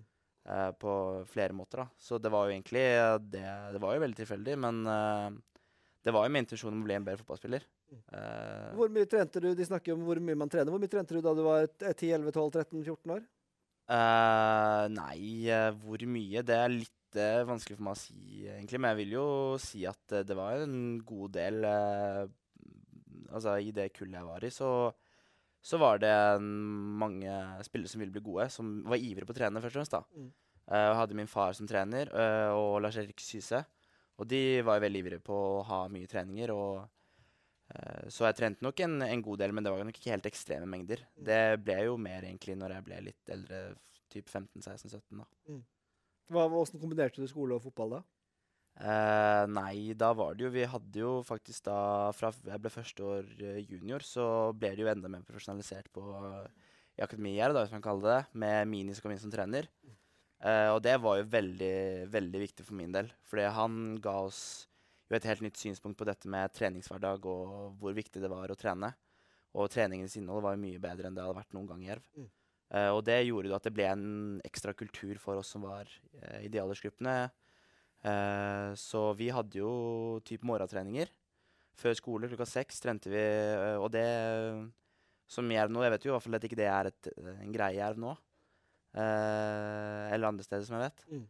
Så det er jo klart at, og vi trente jo da på kvelden typ halv åtte med juniorlaget. Eh, og selvfølgelig da av og til hospitering med A-laget, som trente typ halv tre. Mm. Eh, så det var jo det var jo, det Jeg kan jo ikke si at det er flere klubber i Norge som er bedre tilrettelagt enn det kanskje var da. Mm. Og selvfølgelig sånn som det er nå i Jerv, men man kan jo alltid på en måte gjøre et beste ut av det og finne noen smutthull på hvor man kan optimalisere det best mulig. da. Ole Hofstad, hvordan, er, hvordan definerer du fotballkulturen i Aust-Agder? Nei, den er, den er ræva. Den er dårlig. Den, den, den eh, Nå er det jo vanskelig å se tilbake eh, når jeg var yngre, 15-16-17. Da var det en helt annen greie. Da var det Jerv som var tredjedivisjon, og det var liksom ikke noe opp. Det var Start i Eliteserien, og så var det ingenting mellom. Mm. Så det er klart, Aust-Agder-fotballen har jo tatt enorme steg hvis en ser tilbake de åra. For på den tida så var det liksom Fikk beskjed om at Så jeg snakka med noen rådgivere, og jeg vurderte å reise til Kristiansand. Så, men da hadde jo fylkesgrensene var litt mer definert enn det det er nå. Så fikk jeg en beskjed om at eh, nei, det var, det var vanskelig å reise til Kristiansand og gå på KKG og den biten der, for de, de hadde toppidrett på Åmli. Ja. Mm. Du måtte til hvis du skulle ha Ja, det var det som var muligheten. Da, ble det, da ble du liksom litt satt i håndjern på den tida, så det er jo klart Ja, Du dro ikke til enda, Nei, jeg ble jo værende i Grimstad, men uh, Ja. ja. Så det var jo liksom sånn På den tida satt du enda mer håndjern på det enn det de kanskje gjør nå, da. Mm. Så det har jo gått riktig vei. så man, man svartmaler det jo. Det, du kan tenke hvis det er ræva nå, så hvor dårlig det var for 15 Ja, år men, så, siden. men, men dere har blitt gode på tross av da, liksom? At uh, det sånn ja. er? Du skal være litt forsiktig med å definere god, da. Ja, altså, Og, og god og, altså, ja, men, ja, men, du ja, han har spilt ja, ja, han har spilt eliteserie, men, men eh, det er jo ikke Altså, jeg har spilt i andredivisjon, men det er jo ikke noe Jeg har ikke kommet noe lenger enn da jeg var 16. Nei, men Jeg spilte jo vi- andre, ser jeg var jo på- andredivisjon da òg. Ja, men ser er vi sånn- minuttene i andredivisjon i Ørland fotball, så er ikke det så mange lokale minutter. Så da, da må vi på en måte sette lista kan vi sette lista på Men, men, men de fleste vet jo at hvis ikke de hadde halvert budsjettet, så er det veldig mange av oss som var der i fjor og i år, som ikke hadde vært der. Mm. Så det er jo sånn du kan definere god som du så mye du vil, men, men vi, vi, det er jo, bortsett fra Mathias, så er det jo av oss andre som har løfta Arendal betraktelig. Så ærlig må man jo være. Så man blir jo litt sånn Det, det er jo akkurat samme som at du, du dyrker litt helter bare for at Hadde jeg vært fra ja, Hadde jeg vært fra Oslo, så skulle folk snakka hvor dårlig du var, liksom. Så det er liksom hvordan man definerer det, tror jeg. Men, Nei, men, men litt til Olav sier, jeg må bare komme litt, ikke sant? Når jeg kom ned hit, så hørte jeg å, han og han og hun og hun var så største talentene jeg har sett i mitt liv. De er, er så jævla gode. at Det er helt fantastisk. Ja, hvor, hvor, spør jeg, hvor spiller de henne? Jo, de spiller i femtedivisjon.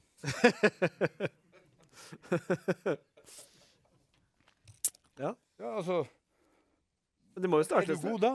Nei, nei, men du kan jo man skal utvikle. Men da kan vi spørre altså, Eivind, da, som, hvor kommer fra Ryggene, hvor, ut, utenfor bysentrum. Det, tror du det er mulig liksom, å bli eliteseriespiller hvis du kommer fra Ryggene og er åtte år og fotballbunch? Eh, det er vel skal en si, det er vel begrensa for alle som Alle vet jo at kulturen på Ryggene er ofte sånn at du er, du er fra Ryggene og du spiller på Ryggene. Ja. Det er veldig vanskelig å få inn spillere fra andre Ja. klubber og sånn. Det gjør en liksom ikke. Eh, så vi har noen fra Grimstad, da, men jeg mener Det er jo liksom ambisjoner, da. Det er mange talenter fra Rygge? Jo, det er mange talenter, men uh, og, og vil de hen?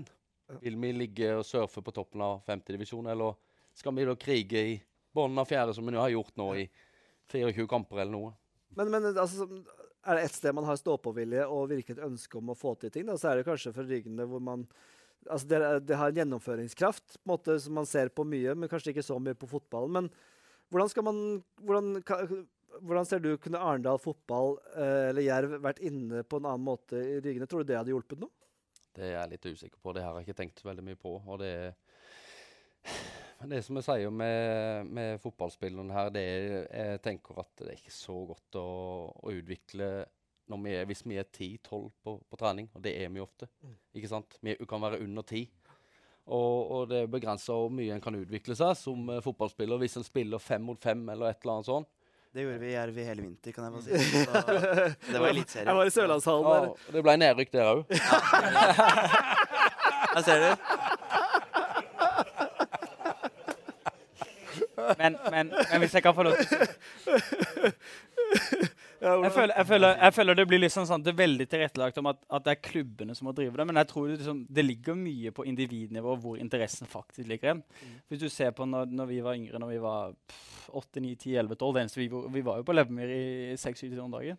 Og da var det jo en gjeng av de som faktisk er fra gamle Høyestadion, som er blitt ålreite fotballspillere. Så var det meg, det var Iman, Thomas var der, eh, Chris var der, Tobias Collett. Kristoffer Tønnesen. Ja, Halvor. Så du hadde liksom en gjeng som pusha hverandre litt. Altså, du, jeg tror ikke Chris hadde vært der han er i dag, hvis ikke det hadde vært for eksempel at Collett og Kielen og de gutta pusha han. Så det er jo liksom Man trenger flere enn bare på klubbnivå. Man må ha liksom individer som faktisk brenner for det. For at nå er det jo sånn Det var som jeg snakka om, vi var, i covid-tida så var vi en del og spilte jeg spørre bare skyte inn mens du Hva som gjorde at dere, den gruppa der, ville, var det trenerne som gjorde at det var så gøy å trene, eller var det, var det tilfeldigheter, eller hva var det som gjorde at dere på en måte var den gjengen dere Nei, var? det, er det, jeg, tror ikke det har noe, jeg tror ikke det har noe med liksom at, at, at nødvendigvis trenere pusher på. eller hva det, det er jo ikke trenerne som på en måte fikk meg opp av senga klokka ni om morgenen og ringte rundt alle. bare, ja, møtes på Lemmen om en time, liksom, Og så tar du med deg en femtelapp og kjøper en sjokomelk, og så, og så er du der i, i seks timer. Sånn, for det var det jeg skulle tilbake til. Vi, I covid-tida så var vi, da var vi på banen en del, spilte fotballtennis. En del av de jerv-gutta, alle samla seg og spilte fotballtennis.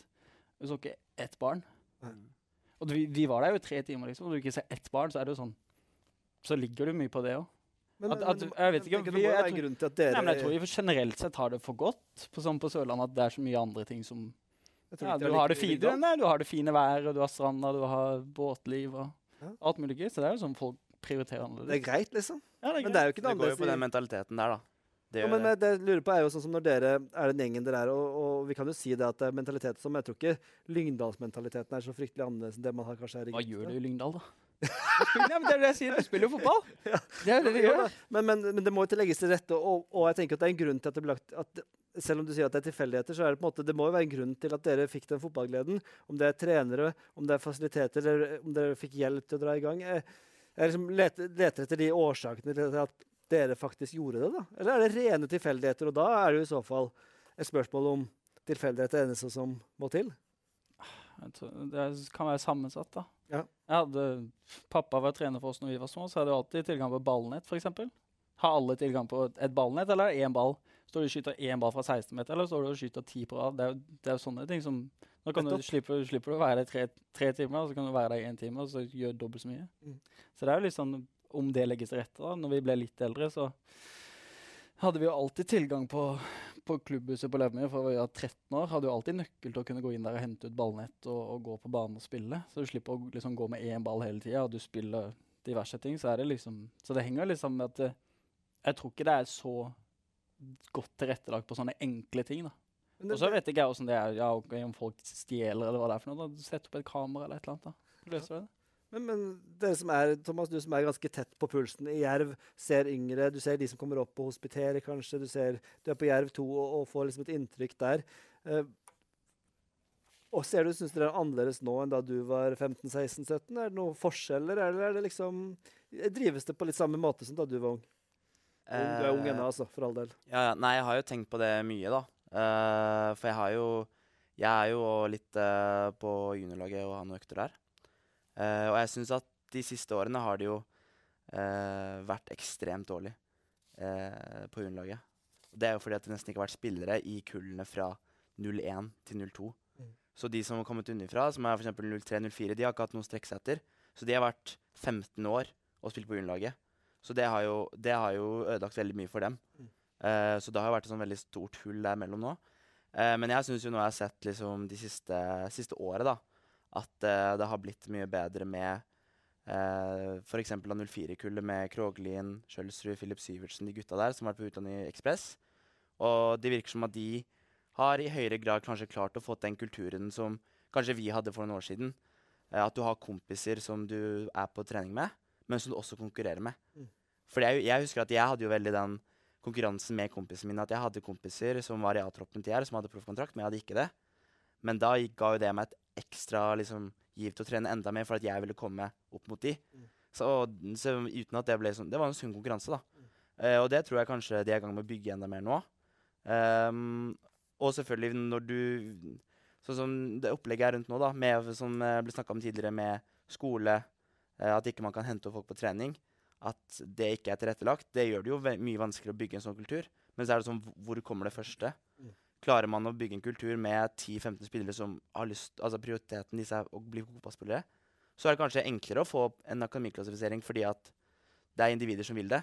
Så det er jo sånn, hvor begynner man, da? Men uh, Det er jo det å få de 10-15. Det er nettopp det og hvor, Ja, ja, hva skal til for å få de 10-15. Roy, er det, er det Jeg vet ikke hvor jeg skal begynne.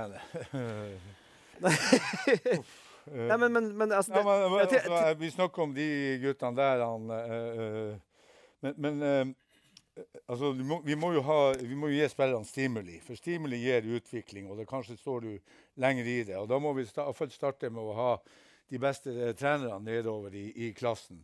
Så må vi også stille oss noen spørsmål. da. Hvorfor får de det til i Sogndal, i, i Mjøndalen, i, i Bodø-Glimt, i Molde? Eh, hva er det som gjør at de har landslagsspillere i, i 14, 15, 16, 17, 18, 19-årsklassen? Men her er det ingen. Nesten ingen på damenivå heller. Nei, det er det spørsmålet vi stiller her. Ja, ja, men vi, vi kunne sitte og spørre hvor, hvor, hvor, eh, hvor bra de hadde det i USA, og hvor eh, Ja, men det, det var veldig det bra. opp- Det hadde sikkert en fantastisk opplevelse. Men det er jo ikke det vi skal diskutere her. Vi skal jo diskutere hva gjør vi for å få opp Aust-Agder-fotballen. Ja, da må vi, vi må vite, da må vi vite hvorfor de dro til USA. ja. Det er jo et godt, godt sted å begynne. Hvorfor valgte de ikke å være ikke Alle kan ikke få tak i en fotball, men vi må gi folk, vi må gi jentene, vi må gi guttene stimuli som gjør at de får utvikling. Vi må ha hospitering. ja, vi, Hvem er må- vi? Hvem er vi? Hvem, er det foreldre? Er det betalte Eh, trenere? Klubbene. Det er jo klubbene som må ta tak i det. Ja, og betale folk, da. Ja, selvfølgelig må de det. Ja. Ja. Og For her sitter vi Det er Olav og Thomas. De, har fedre Ja, de snakker om, begge Ja. snakker om sin far som har vært trener. Ja, det er fantastisk. Og det er jo gutter eller uh, mannfolk som har spilt fotball tidligere og kan uh, lære videre. Og det er jo det som er viktig. De med den beste kompetansen må vi sende nedover i lagene, som gjør at han, Thomas og Olav uh, får den stimulien som de trenger for å få utvikling. Stagnasjon. Hva, hva skjer da hvis de stagnerer i næringslivet, i, eh, ellers i jobb? Hvis de stagnerer. OK, vi går lei. Vi møter veggen, vi gidder ikke. Så vi må jo ha noe å strekke oss etter. Altså, ja, Ja, men da, men da, det kommer til, faller tilbake helt. Vi snakker jo, det faller tilbake på dette med trenere og yngre og betalte trenere osv. Dere var heldige Ja, men Roger stilte jo et spørsmål. Hva skal vi gjøre? Ja, Ja, skal vi sette her om fem år til og, si, og, og diskutere det samme? Nei, men det, det, sier, vi må, det må jo måles på et vis. Altså, det må måte, her må man jo sitte og se Man kan ikke bare si som jeg sier da, Det du sier nå Ja, vi må gjøre noe, vi må gjøre noe. Ja, Ja. Men hvordan skal vi måle at det faktisk gjøres noe? Og, Ja, da må da vi ansette konkret. folk i klubben, vi må ha en spillerutvikler, vi må ha en trenerutvikling. Vi må se hvor mange folk som er på trening, hvem som kommer Nettopp. det flere på trening. Har vi avgang på trening? Har vi utvikling? Vi kan måle oss med, med Jo, men her, her, her, stiller, her stiller du 20 spørsmål. Mm. Uh, og kanskje vi trenger å være konkrete. At vi svarer på ett av de. At, vi, at uh, fotballedere i Aust-Agder enes om ett mål. At vi skal få flere treninger for 6-10 år. At det kan være et felles mål for, nei, for lagene, klubbene i Aust-Agder. Altså man må, man må være, tørre å være konkret i stedet for å snakke og ha 40 løsninger på ting. Så må man ha, kanskje ha et konkret mål. da. Og jeg synes det var Drittenk hvis eh, Tor Ole og Jon Ole og Asbjørn hadde satt seg sammen. Ja, nå har ikke Asbjørn noe breddefotball, da, men, men og Kai Arne hadde satt seg ned og sagt vet du hva, for å løfte det her nå, så må vi ha tre treninger for tiåringer. Mm. Og så skal man selvfølgelig differensiere, kanskje noen ikke har tid til det osv. Men at det er et mål. Og så sier vi vet du hva, om et år igjen så setter vi oss ned og så ser vi har vi klart det, og så måler vi det. Kan jeg si at jeg er uenig med det? Absolutt. Fordi at, for, Det- det er alt- nei, men, nei, nei, men alt folk, nei, men det det, det som er hele problemet med hele greia. er at alle tenker sånn ja, ok, vi trener, Nå trener vi to ganger, da kanskje jeg har tre, kanskje jeg får fram en Nei, du, har- det, det hjelper ingenting. Du, du må få legge til rette for at folk kan gå og spille fotball hele døgnet. Det er jo da du blir god. Du blir jo god av å være er, 60 år. det er jo ledig hele korona, men det var Ja, ingen men- der. Nei, vet det, men det er jo det sier, men du må legge til rette for det, da. Ja, men da må noen gjøre det. Ja, vet det, men sånn, for eksempel, Det har vært snakka om å sette opp en innehall på Lemmer. Å sette opp en innad en liten syverbane. Alt du trenger stå åpent hele døgnet. Ha 20 fotball som ligger der inne. Tror du ikke folk har, Det er mye lettere å bare ja, ok, Kanskje jeg bare skal gå ned og spille et par timer da, med noen kompiser. Det er mye lettere. Det er jo sånne ting jeg må legge til rette for, istedenfor å tenke ja, kanskje vi skal øke én økt her og én økt der. Og ja, selvfølgelig bra med differensiering av den biten der, men, du, men jeg må jo liksom legge til rette for at folk har lyst til å gå og spille fotball fordi det er det gøyeste de vet. Ja, men da Ikke fordi, fordi, ja, men- fordi at eh, nå må må jeg gå på en trening Det- til. Poenget mitt er at man må, må måle det, se om det er en utvikling. For vi har sittet her så mange år. Ja, men du kan se om det er en utvikling på hvor mye Yes. hallen blir brukt. Nettopp. Det kan du se på. Og du kan si, ok, vi ser om uh, flere Vi kan måle hvor mange er som er å spille på Løkka i helgene eller i korona eller på søndager osv. Men vær tør å være konkret og mål det, sånn at man faktisk sitter, slipper å sitte her om ti år og si akkurat det samme. For jeg er helt enig med deg. Altså, det, det er ikke sikkert at betalte tre, eller flere trenere, treninger er det svaret, men tør Og det er utfordring til fotballedere og sånn. Tør å være konkrete og mål det, og så sier man 'vi klarte det', 'vi klarte det ikke'. For jeg, altså Nå ble jeg engasjert men jeg er litt lei at man sitter og sier Men- bare ørting Men, som men det er jo sånn, jeg jeg er sikker på at Thomas og alle de gutta som har vært i USA, kan si veldig mye om det samme. For der kommer du til du kommer til en skole, og der kommer det unge fra hele verden. Jeg har spilt med folk fra alle verdensdeler. Og der trente vi For det første trente vi jo mye mer på college der enn det jeg har gjort på juniorlag, guttealder, A-lag i Jerv i andredivisjon. Nå med Arendal. Vi trente mye mer i USA enn det vi holdt på med her. Ja, hvor mye mer? Nei, Hver dag så var vi oppmøte halv åtte, Mm. og så var vi hjemme i tolvtida. Og da lå det inne en halvannen time fotballtrening pluss diverse diverse. Hvis det var match du ikke spilte, så trente du først på morgenen, og så trente du på kvelden etterpå. For da skal du strekke deg til at når du først får spille, så du ser at du liksom fortjener det. Og da, men folk gikk og trente i tillegg allikevel på kveldene, selv om vi trente på morgenen. Så det er sånn, For der kommer det folk som kommer fra helt andre kår enn det vi gjør her, som, som vet at det kanskje jeg kan få ut av livet mitt, det er fotballtalentet. Da. Det er det jeg kan leve av. Så det er sånn, Folk ser på det på veldig forskjellig For du får jo med deg en helt annen Du får litt sånn kultursjokk når du flytter verden over og ser at Oi, faen, jeg trener faktisk ikke så mye eller så bra som jeg trodde jeg gjorde. da. Og det tipper jeg at hvis veldig mange juniorspillere Hvis de hadde reist til et bra collegelag, så tror jeg de hadde fått den i trynet med en gang. Mm. For en tenker at ja, Vi trener så mye for du går på trening halvannen time om dagen. Det er jo ikke mye det hvis du skal bli god fra du er 15 til 19. Nei. Det, hold, det er jo ikke i nærheten. Det er jo det der med å, å dø for det, da. Og jeg tror, selv om jeg og Ola sitter her og vi har spilt Ja, jeg har spilt seks minutter i Eliteserien, han har spilt masse 62. Han, 62. Ja. Han har spilt uh, masse som Betyr ikke det at vi uh, At det er liksom standarden vi skal sette oss, tror jeg. Eh, og det, vi kunne gjort ganske mye mer for å bli bedre fotballspillere hadde vi kanskje hatt bedre til rette, eller vi kanskje hadde hatt enda bedre mentalitet. Mm. For det er jo spillere som eh, har kommet ganske mye lenger enn oss. Mm. Så eh, standarden må jo bare settes, og kravene bør jo være enda høyere. Eh, og det går f.eks. det her med spissing, da. At hvor viktig kanskje det er. For å bygge den der treningskulturen og at eh, man vil bli god.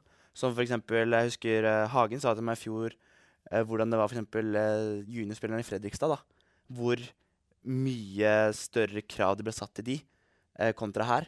For at der var det enda viktigere, eller det var liksom betydde enda mer for uh, gutter i Fredrikstad å være på juniorlaget til, til Fredrikstad. Mm. Fordi at det betydde noe.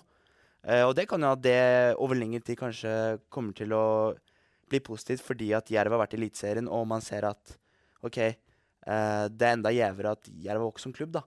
At det kanskje kan være med på at man bygger en slags kultur Mm. for at man, man, vil så, man vil være Jerv. For det er sånn, det skal ikke så veldig mye til for å komme på juniorlaget til Jerv. Eh, så, så ærlig må man jo være.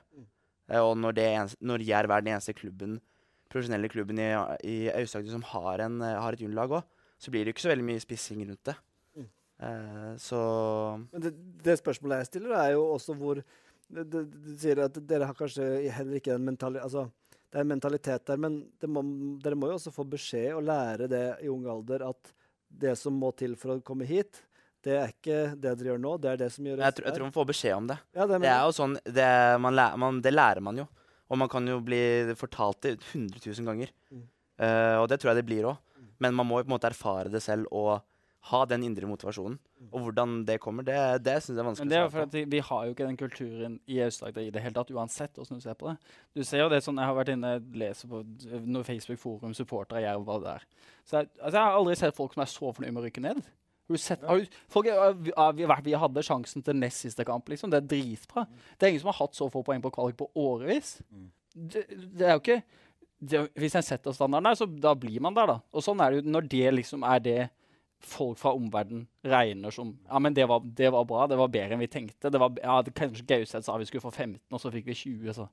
Var det, men sånn, Ja, men det liksom, Da ligger vi der, da. Og da, da blir man der. Og sånn så er det jo bare. Og det er jo ikke, jeg sier ikke at vi sitter her i studio foran 15 stykker og sier at det er sånn skal det gjøres. bla, bla, men, altså. ja, ja, ja. Ja, ja. Men, du, men du skjønner poenget. Men, men det ligger jo noe fundamentalt galt hele veien. Og så er det jo hvor man starter å jobbe med det. det og det er jo ikke en altså, ja, Vi, får, det er jo eh, ikke, vi, må, si- vi må videre her. Vi skal ha et Ja, panel men til. det er paradoks. Paradoks. Ja. Du, jeg vet ikke hvor mange ganger Arendal trener, men en fem-seks ganger i uka. Men Roger, hvor mange ganger trener du i uka? Seks, da. OK. Men så i tillegg da, så har du fire-fem ganger i uka så har du tid å gå en flight på en golfbane på ti timer. Altså for meg, kan du, Hvis du har brukt tre-fire av de timene til å gå ned og låne det ballnettet til han Olav, og stå der og legge inn og avslutte, så tror jeg faktisk du har blitt en bedre fotballspiller. Og så må jeg spørre, Skal du bli en bedre golfspiller eller skal du bli en bedre fotballspiller? Snakker du til meg? Nei, nei, nei, jeg snakker om, nå snakker vi om Du har lagt opp, du, Olav. Så, ja, ja. så du er ferdig med det. Ja, men det, Ja, det, hadde, det- ja, jo altså, du kan, om, du, om du har svømt eller et eller annet. Ja, nettopp. Det handler ikke om golf, Nei. men det handler om hvor man har fokuset. ja, tidsbruket. Tidsbruk og Ja, fokus. og den passion og den commitmenten du skal ha for å holde på med det. Mm. Og der er jeg helt enig med Olav og Thomas. Der sliter vi.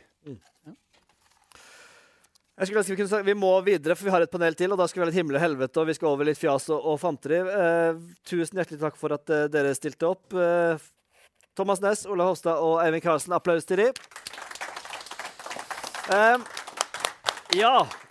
Nå skal vi ha en liten øvelse her som eh, Nå kan jo også for så vidt de neste som skal eh, vel Tor Ole og Thomas Skjeggedal Thorsen skal få på seg myggene. Men jeg skal gjøre en liten øvelse her nå. For vi, Ørjan Kronheim, vår Agderposten på ball prest, han eh, skulle komme her og ha et eh, lite epos om lokalfotballen. Men han, han ligger hjemme i spysjuke unger og alt det som eh, verre er. Og det er sånn livet er, så da skal jeg lese da, dette han har skrevet og skulle fremføre for oss. Og så har ikke jeg Ørjans tyngde og, eller patos, så får dere bare stå med meg. For ganske nøyaktig 30 år siden sto dronning Elisabeth foran The Guildhall og skulle oppsummere det siste året, hennes- året hennes da 40 år på tronen, hvorpå hun kalte året 1992 for et annus horribilis, et forferdelig år. Dersom man uten lokale skiløper blir bedt om å oppsummere fotballen i det gamle Aust-Agder, er det vel få latinske uttrykk som vil passe bedre. I et år hvor flaggskipet fra Grimstad rykket ned, og i grunnen var ganske fornøyd med det. Utfordreren fra, Fro fra Arendal ble ydmyket i et friminutt i Oslo, og toppfotballsatsingen på kvinnesiden har gått fra å være et spinnvilt drama til å være et vandrende pall palliativt arbeid, så har drømmen om nye fotballeventyr fra det gamle Aust fått et betraktelig skudd for baugen. Og går du nedover i divisjonene, er det ikke stort bedre. Med unntak av Trauma Arendal fotball, avdeling kvinner, er det ikke mye å skrive hjem om. I hvert fall ikke om du, om du håper noen vil stå på perrongen for å ta deg imot når toget kommer. Nei, her har det vært buss for tog hele veien gjennom fra Ekspress, Hisøy, Froland, Imås, Birkenes, Lillesand og Rygene. Himmel eller helvete, ville kanskje Roy Ludvigsen spurt, vel vitende om at der lokalfotballen i Aust i øyeblikket befinner seg, er ikke bare Syden varmt, men så ille at vi sørlendinger nesten må si at det er stegelig varmt. Nesten som ikke liker det. Statistikk lyver ikke, er det noe som heter. Allikevel er det noe for meg som skurrer. For dersom fotball i all hovedsak skal handle om ressurser og forutsetninger, slik vi i gitte tilfeller har fått høre av Jerv sin hovedtrener i årets sesong, så kan vi like så godt legge ned alle tellende kamper og lage tabeller av økonomien i stedet. Men fotballen er jo så mye mer. Så mye større enn penger og tall. Det er lidenskap, sviende tap, enorme seire og alt det midt imellom. Derfor erklærer jeg ikke Derfor erklærer ikke jeg, som den avdøde regenten dronning Elisabeth, årets fotballår som et annus horribilis, men et annus mirabilis, et vidunderlig år. For finnes det noe mer vidunderlig enn å bruke halvannen time på planen, beklager, Agdersveis, en sen fredagskveld, sammen med noen av bygdas beste gutter i Frank Audun og Stian Rikki, eller hva med en iskald onsdagskveld på Landvik for å se Eirik Oppdal pådra seg nok en strekk etter et litt for hardt utspill. Det må i tilfelle være å se den persiske hingsten Ali Hosseini pådra seg nok et gult kort for kjefting, selvfølgelig, mens Tor Ole Dalen på ny forsøker å forklare hvorfor akkurat dette gule kortet var en god idé. Eller å se fjerdedivisjons beste spiller i Traumas Dardan Dreshei gratulere Helge Mortensen med innsatsen etter fotballpensjonisten nok en gang stengte buret for rykende på plan. Fotball blir nemlig heller ikke vakrere enn når man går man må helt til 8. september for at fjorårets serievinner i sjette divisjon får sin første seier for sesongen, når bankmann Jan Erik Christensen setter inn 4-3 for Strømmen-Glimt i det 82. minutt hjemme mot Myra. Visste du forresten at Atle Råna fortsatt spiller fotball? Eller hva med Geir Sangvik, Jostein Fallås, Morten Sætervik, Marius Brun Henriksen og Jonny Kjos? Spillere som har preget lokalfotballen i tiår, er ikke ferdige. Har ikke fått nok av verken Fifa-Terje eller Espen Larsen. De har ikke fått nok av toppede andrelag, selv om Christian Hermansen fra Hisøy har det. De har ikke fått nok av engasjementet for at 22 mennesker, som ikke nødvendigvis er så fryktelig flinke til det, skal løpe rundt og jage etter den samme ballen i 90 minutter. Det er kjærlighet, og det er lidenskap. I tillegg har vi fått høre har vi fått noen nye bekjentskaper, og ingen viktigere enn den største, Mateus Radgolski, bør, være, bør etter årets sesong være et stuerent navn i de fleste fotballhjem. For det må jo være drømmen å sose rundt i sjettedivisjon i gamle Aust-Agder, nyte livet, nyte fotballen, for så å få sjansen du aldri, aldri fikk, og kanskje reise videre på nye eventyr. Det er fotball, og det er virkeligheten. Det er mer enn statistikk og kjedelige forutsetninger. Det er ikke to streker under svaret, men det er livet slik det skal og bør være. Det er himmel og helvete om en annen. Det er ukens høydere hver uke, og det er drømmen om at det aldri skal ta slutt. Gud som jeg gleder meg til ny sesong. Nye skuffelser, nye nedturer, nye uventede seire. Nei, takke meg til lokalfotballens skyggedal. Her vandrer jeg ikke med dødsangst for tiden, men med håp om en ny vår, en ny sesong og en ny begynnelse hvor dommerfløyta markerer at nå, og bare nå, er det, er det at livet slik vi kjenner det og ønsker det, skal leves fullt ut. Og snart er det jaggu ribbecup også. Annus horriblis, du liksom. Kan det virkelig bli bedre enn dette? Det var uh, Ørjan Kronheims uh, ord som jeg fikk lov til å formidle. Veldig glad for det. Nå skal vi få en siste panel her, og det er da ikke Ørjan Krone, for han skulle egentlig sitte her. Det er Reachers-konge i Agderposten på eh, ball. Eh, og Rygende store sønn, og trolig Agderpostens beste mann, det er Thomas Øgedal Thorsen. Velkommen. Nå skal dere raljeres. Og til slutt, da. Mannen som spiser hummer oftere enn vi andre skifter truser. Mannen som legger ned hundrevis av timer og tusenvis og hundretusenvis av kroner for klubben han er så glad i. Mannen som lager TV-tårn kun for at jeg skal få stå og filme en, Eller Josef, da. Skal få stå og filme trauma. Mannen som flipper burgere som andre flipper eiendom. Eller han gjør kanskje begge deler når jeg tenker meg om. Tor Ole Dalen! Ja ja, folkens. Nå er det nok seriøsitet og snakk om fotballkultur. Det er jo nydelig, som Ørjan sier. Det er jo nydelig med fotball og lokalfotball, Tor Ole. Ja, det, det er nydelig. Og jeg syns jo det at jeg sitter og krisemaksimerer hele opplegget, men det er jo ikke mer enn to år siden vi satt med covid-19 og ikke kunne treffe hverandre. Men det er jo masse som skjer i lokalfotballen, så jeg syns det er mye positivt. Absolutt. Og som sagt, som Ørjan skriver, er det noe som er vakrere da, eh, Thomas? Du er fra Rygen. Å komme på planen og se Rygene spille. Det, det, er ofte veldig gøy. ofte? det, er, det er ofte. Ja, de tar ikke av på Ryggene. Men uh, Roy, nå skal vi ja. bare fjase litt. og Jeg ser på deg at du har lyst til å diskutere litt videre, men du kan Nei, gjøre det etterpå. Vi tar, det, vi tar det etterpå. ja. Nei da, ja, jeg syns det har eh, iallfall Jeg har fått sagt hva jeg mente om uh, Aust-Agder-fotballen. og Det er jo kommet med mange innspill. Og det må jo fortsatt være, kunne være åpen for noen spørsmål fra salen, regner jeg med. hvis det er noen som... Eh... Men du har ikke spurt mer om Aust-Agder-fotballen, hva jeg syns? Nei, jeg hadde jo tenkt at vi skulle liksom hoppe over den, men du kan få et, kan få et, minutt, et halvt minutt her, Tor Ole, hvis du vil det. Ja, jeg tenkte iallfall først og fremst å si det at det er jo uh, Vi har jo Jerv, og vi har uh, Arendal. Og i år har uh, flere lag rykka ned. Ekspress har rykka ned. Og jeg syns jo det at Jerv burde ha hjulpet Ekspress sånn at de hadde holdt seg. Eh, jeg syns faktisk Arendal burde ha ringt til Trauma når vi hadde en del skader. Vil jeg ha noen spillere? Jeg har sagt til Roger. For da hadde vi vært helt i toppen av, av, eh, av fjerde. Og jeg syns at eh, Ja, faktisk at det er flere som kunne trengt litt hjelp av noen klubber. Har vi spillere som er nummer langt ut på, på, lista, så sier jeg heller OK, du passer bedre i Sørfjell enn i Trauma, så kan de lykkes i Sørfjell. Og det skulle vært mye mer samarbeid for å få det til å lykkes, føler jeg. Mm. Og du eh, vet jo at du eh, trener jo et av eller, trener, du er eh, med. Hva er, hva er tittelen din? Da må jeg bare spørre om, Tor Ole. For det, jeg skal skrive er sportsleder, er du dagleder? Nei, nei, nei. nei Ildsjel har jeg begynt å skrive, bare. Overhodet ikke. Jeg er sportssjef for A-laget, så det er jo et fotballstyre i Trauma som, som styrer Trauma, så jeg har ikke noe med den biten å si. Og, og da må jeg jo si noe til Roy i stad. Han sier jo det at eh, ikke sant? de har jo ikke en sportsplan. Og så, og så, ja, og, så, og så har de den en stund, og så går det en ny vei. Men det Roy glemmer, det er at de skifter jo styrene i klubbene. Ja. Ikke sant? Og så kommer det et nytt styre, og du har sosial, sosialdemokrati, som gjør at den røde tråden alltid ikke er sånn som en uh, ville hatt den. ikke sant? Så er det jo nedskjæringer, det er mange ting som gjør at, uh, at du blir som du blir. Så, så uh, faktisk så hadde en brukt mange av de der eh, spillerne til å trene de yngre i, eh, i, på laga, og i tillegg hatt mer kompetanse inn i fotballstyrene, med spillere som har spilt før og sånne ting, så hadde det vært mye bedre for alle laga. Det er jeg 100% sikker på. Jeg er jo eh, litt enig med han, men, men eh, når det gjelder sportsplan, ikke sant? det er jo et verktøy som skal gjennomsyre klubbene. ikke sant? Når du først går til det skrittet og du lager en sportsplan. Så det skulle jo vært forbudt å komme inn i et fotballstyre hvis du ikke sa ja til at den sportsplanen følger vi. Det er enig. Ja. Og, og, og det må jo alltid ligge Ja. til grunn. Ja. Veldig bra.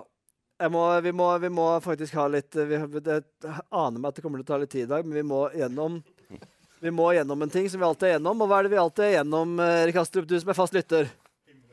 Himmel eller helvete, og det er også tida for det nå. Eh, så er det alltid sånn når vi sitter rundt eh, i studio og ser rundt bordet liksom, hvem som er det som er først, så ser jeg at det sitter jo i Roy etter å komme til ordet.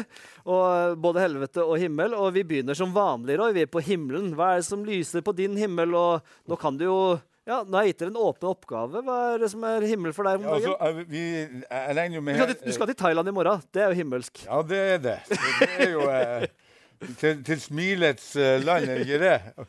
Men jeg, jeg, regner jo med det her er sånn oppsummering av året, er det ikke det? Ja, det Og får årets himmel for meg, det må jo være Tor Ole Dalen, og han vil ha en Ali. Den persiske hingsten. Til ri inn på en hingst før årets første hjemmekamp på Trauma. Altså, det kan ikke være det er noen det, altså. Og det, det, det, det er sant. Tor Ole, du må fortelle historien. Er det sant? Ja, det er sant. Og, og, og faktisk, eh, faktisk kona mi Heidi har jo bursdag i dag. Hun har en hingst, eh, en av de, ja, okay, okay. en av de beste, beste i landet. Ja. Eh, den eh, ville vi hive Ali oppå, men eh, han, han tok ikke sjansen på å gjøre det. Så, eh, planen var at han skulle komme ri rundt ba- banen bakover, ned og der runde på banen, og så hoppe kampen. Men uh, Ah, det er så rått, det. det Det er konge, altså. Men, eh, For meg kan det ikke være noe bedre himmel. Nei, det er en enorm Ja. himmel, faktisk. Nei, Bare å komme på tanken, Tor Ole, er jo helt uh, ja. Ja, vi får, kanskje Christian Eriksen der som skal ri inn på Fevik stadion på en hingst. Det hadde jo også gjort seg, tenker jeg. Men ikke Christian hadde klart det fint. Og derfor ikke du gikk til trauma. og, og frykten for Han, frykten han for var redd for å sette seg på den hingsten, helt sikkert. Ja. Nei, det er en god himmel. Har du noe mer på himmelen, eh, Roy? Nei, ja, det hadde jo, men han er jo ikke presten, ikke sant? Den finske Messias, eller Messi. Men uh, Daniel Håkan, uh, Håkan som er eh, signerte for Jerv eh, til 2025, det må jo òg være en himmel for Jerv, syns jeg. For det tror jeg kan bli en salgsvare som eh, gjør at uh, Jerv kan uh, få noe penger på bok etter hvert. At ungdommen kan få det trenere si? Ja. Ja. Og så uh, Ja, himmel må jo være han Kristian òg, som nå er tilbake til Ekspress og trygge rammer. Syns jeg jo er også bra. Altså, det lukter jo mål der. Ja, det blir jo vel kanskje 40. Vi får se. Tor Ole? Jeg tenker det at ikke Kristian Tore til Trauma, for han vet at vi har både Dard Andresjø, vi har Vi har mange kanoner. Så, Ja. så det var vel derfor han ikke kom til Trauma. Jeg vet ikke. Nei, Vi får spørre han her etterpå. Men eh, Tor Ole, Ja. himmel, hva er på din himmel? Nei, min himmel er faktisk eh, Og det er helt ærlig, det er faktisk den eh, spillergruppa vi har i Trauma nå. Det er kameratskap og de gode, gode guttene med Tore, Jaran, Ali eh, Jeg kan nevne mange. Mathias Leander. Vi hadde et møte angående en alvorlig sak her for et par uker siden, og hvilken måte de står sammen på, de guttene. Eh, og, eh, og jobber sammen. Eh, Eh, så, så, så bare syns jeg det at Og det gir meg så mye når Dardan kommer til meg og sier det du tror Ole. Jeg har ikke hatt lyst til å spille fotball siden Eller jeg har ikke, kjent lysten på å spille siden 2014, og da det gir meg mer enn enn å slå Hermansen på Hisøy, faktisk. Ja, gjør det det? ja, faktisk gjør det. For eh, fotball er jo ikke sant Vinner du, så vinner du. Taper du, så kan du være sur i ti minutter, så tar du hverandre i handa, så er du ferdig med det. Sånn er fotball. Hvis du så Kristian Eriksen lå der med hjerteinfarkt, så tenker du hva er perspektivet på banen? Så, så, så Nei, men det er en, eh, og, og Trauma må jo si det har jo imponert stort i 2022. og det kom jo langt høyere enn det vi hadde på vårt uh, tabelltips. Så, um, så det Ja, ikke, jeg vil ikke si at vi har uh, imponert veldig, for at vi hadde noen dumme poengtap. Så, men, eh, men Jylland og Hortin har gjort en god jobb. Men som sagt eh, hadde den persiske hingsten eh, holdt seg her av gult kort. eh, under de gule korta, så, så, så Det er som å spørre Thomas Ness om han kan ha samme sveis et helt år. Ja, for, men, men vi har mye å gå på, og som sagt så har vi et godt fotballag setter du bakfra med, med å være solide bak, og det føler jeg vi har vært lenge. Og så, og så er vi jo eh, giftige framover, og, og det er jo mer slitsomt sånn som for uh, uh, Hisøy spesielt i år. Uh, eh, har hatt mye problemer med spillere, kanskje litt eh, eh, ut og inn i troppen sammen med Rygene. De har egentlig vært eh, Jeg hadde trodd Rygene hadde kommet mye høyere, for de er det fart og trykk i. Så det er ikke mye en skulle ha gjort med, med begge de to lagene før de hadde vært bedre. Froland har vært eh, helt på det jevne, men eh, som sagt eh, De Kristiansandslagene har vist seg å være sterkere enn en Agder-lagene. og Det, det sier jo litt om at eh, vi har en vei å gå i Agder. Hva tror, du, hva, hva tror du om kampen mot Ekspress da neste sesong? Som rykka ned fra Nei, det er. Ekspress. eh, Jeg ser Aslaksen han eh, Han signerer farelivet, for livet, han. Signerer signere spillere, Men du kan fortsatt bare spille med 11 spillere, så så om du har 30, så er det jo eh, eh, Så vi får bare se. Vi får prøve å gjøre det best mulig, men vi har jo mye unggutter òg på vei som, eh, som har tatt steg i Trauma 2 i år, som ble nummer fire i serien. Og, og uh, vi Hvem som hadde ansvaret for Trauma 2? Ja, det var meg. Ja. Jo, jo, Ja, men nei, men eh, Veldig fint. God himmel. Skjeggedal. Er det noe mer på himmelen, eller skal vi gå til Skjeggedal Thorsen her og høre opp på hans himmel? gå på hans.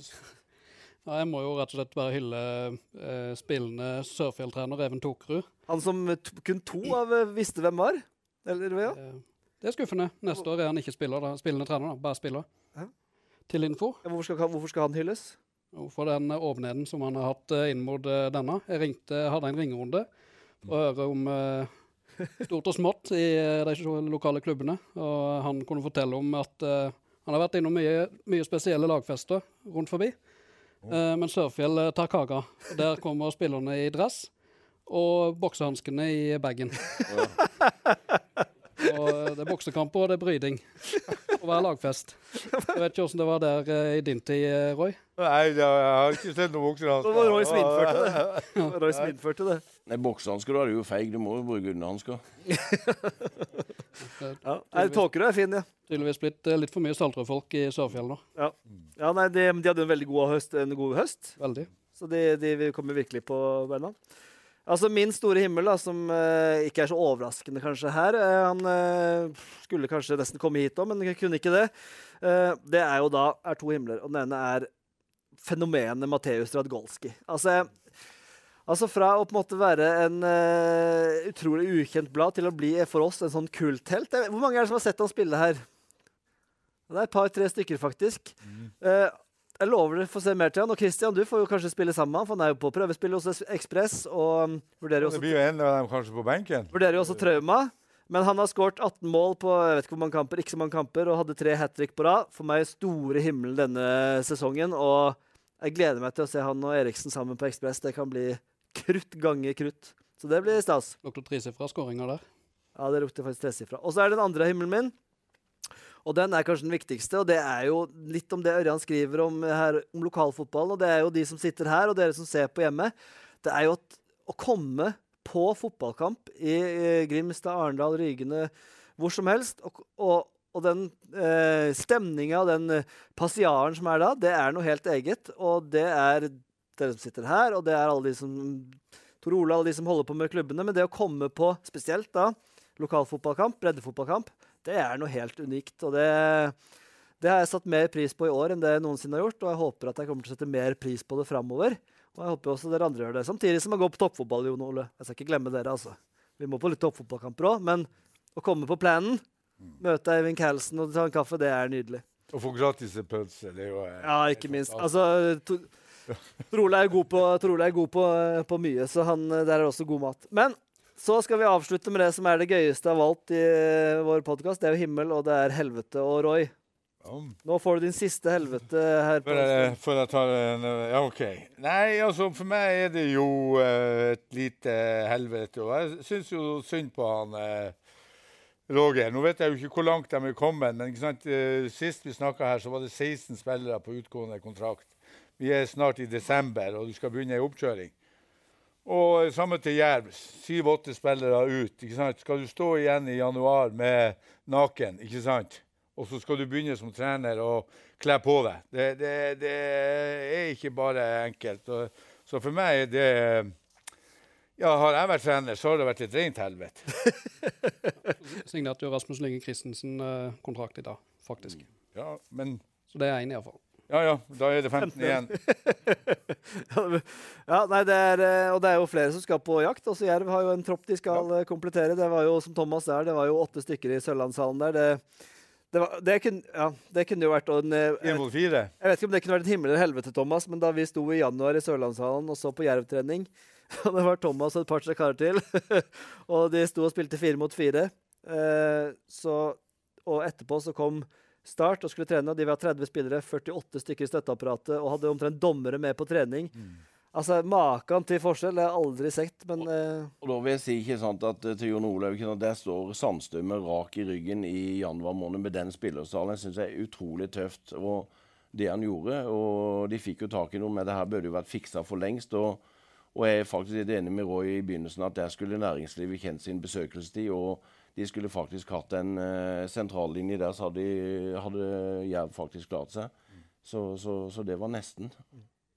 Det var nesten er jo ikke godt nok. Nei, nei, det er ikke godt nok. Nei, helvete. Tor Ole, hva er det som er helvete hos deg om dagen? Nei, det er ikke så mye helvete.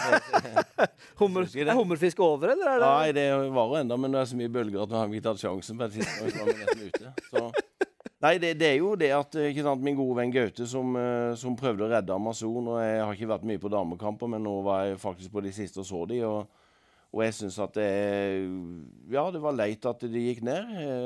Jeg syns det var leit at, at Jerv rykka ned. Jeg syns at det de har skapt, liten by i Grimstad, god entusiasme. men det de må bygge videre nå på Nå har de vært der og erfart det, og så må de jo ikke være fornøyd med å rykke ned som han sier de må liksom uh, ha lyst til å rette opp igjen. Eh, Arendal eh, så jeg trekningen nå for, for, neste år. og er jo, De er jo igjen kommet en ganske overkommelig gruppe. Så, så alle gode ting er tre. Så jeg tenker at neste år så, så tar Roger det. Og da sitter vi her, og så hjelper Roger med litt spillere ut i lokalklubbene. Får løfta kanskje Hisøya litt, løfta Trauma litt til. Eh, sånn at eh, ja, det blir, eh, de lagene rett under blir bedre, så vi får eh, en bedre stabilitet. Eh, for det er liksom for langt eh, opp. Men, men, men, det er mange som kan ta steg, og det er yngre spillere på vei. Så, så jeg tror ikke at situasjonen er så ille som det var en helvete, Tor Ole. Det er ja, ja. Altfor positiv. Ja, men det kan ikke være så negativ, for da Det går ikke. En helvete som begynte negativt og bare endte positivt. Ja, det er ikke sånn vi skal ha det her. Det er jo det som er så fint, at hvis man da får en negativ eller ting er negativt, så kan man snu det til noe positivt uansett. Ja, det, er ikke mye, det prøver vi ikke å drive med hos oss, altså. Vi prøver å holde det negativt. Nei, men jeg syns at uh, det er jo selvfølgelig er det et helvete at, uh, at så mange av de lagene gikk ned, sånn som Imos som du spiller, har spilt på, som uh, har en fantastisk fin stadion, som har hyggelige folk rundt. Uh, det er så lite eh, noen av de klubbene rundt skulle gjort det med å, å forsterke litt sånn at de hadde klart seg. Òg faktisk Rygene, som har en enorm entusiasme rundt laget. Eh, som følger de tykt og tynt. Det var eh... Nå blir det, blir det himmel igjen. Nei. Det sklir over ja, fra helvete til himmel hele tida. For jeg skulle gjerne hatt Rygene. Jeg syns det er bra. ja, det, det, er hyggelig folk. Du begynner liksom på et ja. helvete, og så begynner det å skli over på at det er himmelsk stemning i Rygene. Du er en for positiv ja. mann, Tor Ole. Ja, men man kan ikke være så negativ. nei. Bra. Thomas, du, har, du, er ikke like positiv. Eh, nei, nå får vi se, da. Ja. Jeg er veldig spent på uh, reaksjonen din her, Tor Ole. Uh, mitt uh, potensielle helvete er jo uh, meldinga jeg fikk fra Egil Gylland og Mathias Hortin. Okay. Traumatrenerne som kanskje teller på knappene som trenere der neste år. OK! Nå, nå ble det ja, Jeg hadde ikke trodd det her skulle være noe spørre...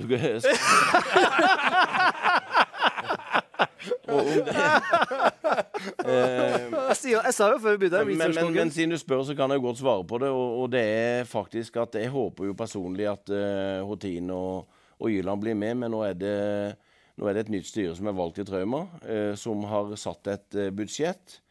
Og det der eh, De var vel bydd eh, 70 000 på to trenere som skulle dekke trenergren. Det var det som var i budsjettet nå. Så, så nå har jeg holdt på med den eh, store konserten nå noen dager. Så det kommer til å ta tak i denne uka, sånn at vi skal prøve å få på plass de, den siste biten. Og, og jeg håper jo at vi har de eh, med oss. For det var ikke Eh. derfor det var arrangert uh, Rotlaugs konsert? For å- Nei, det var det ikke. Det var det ikke.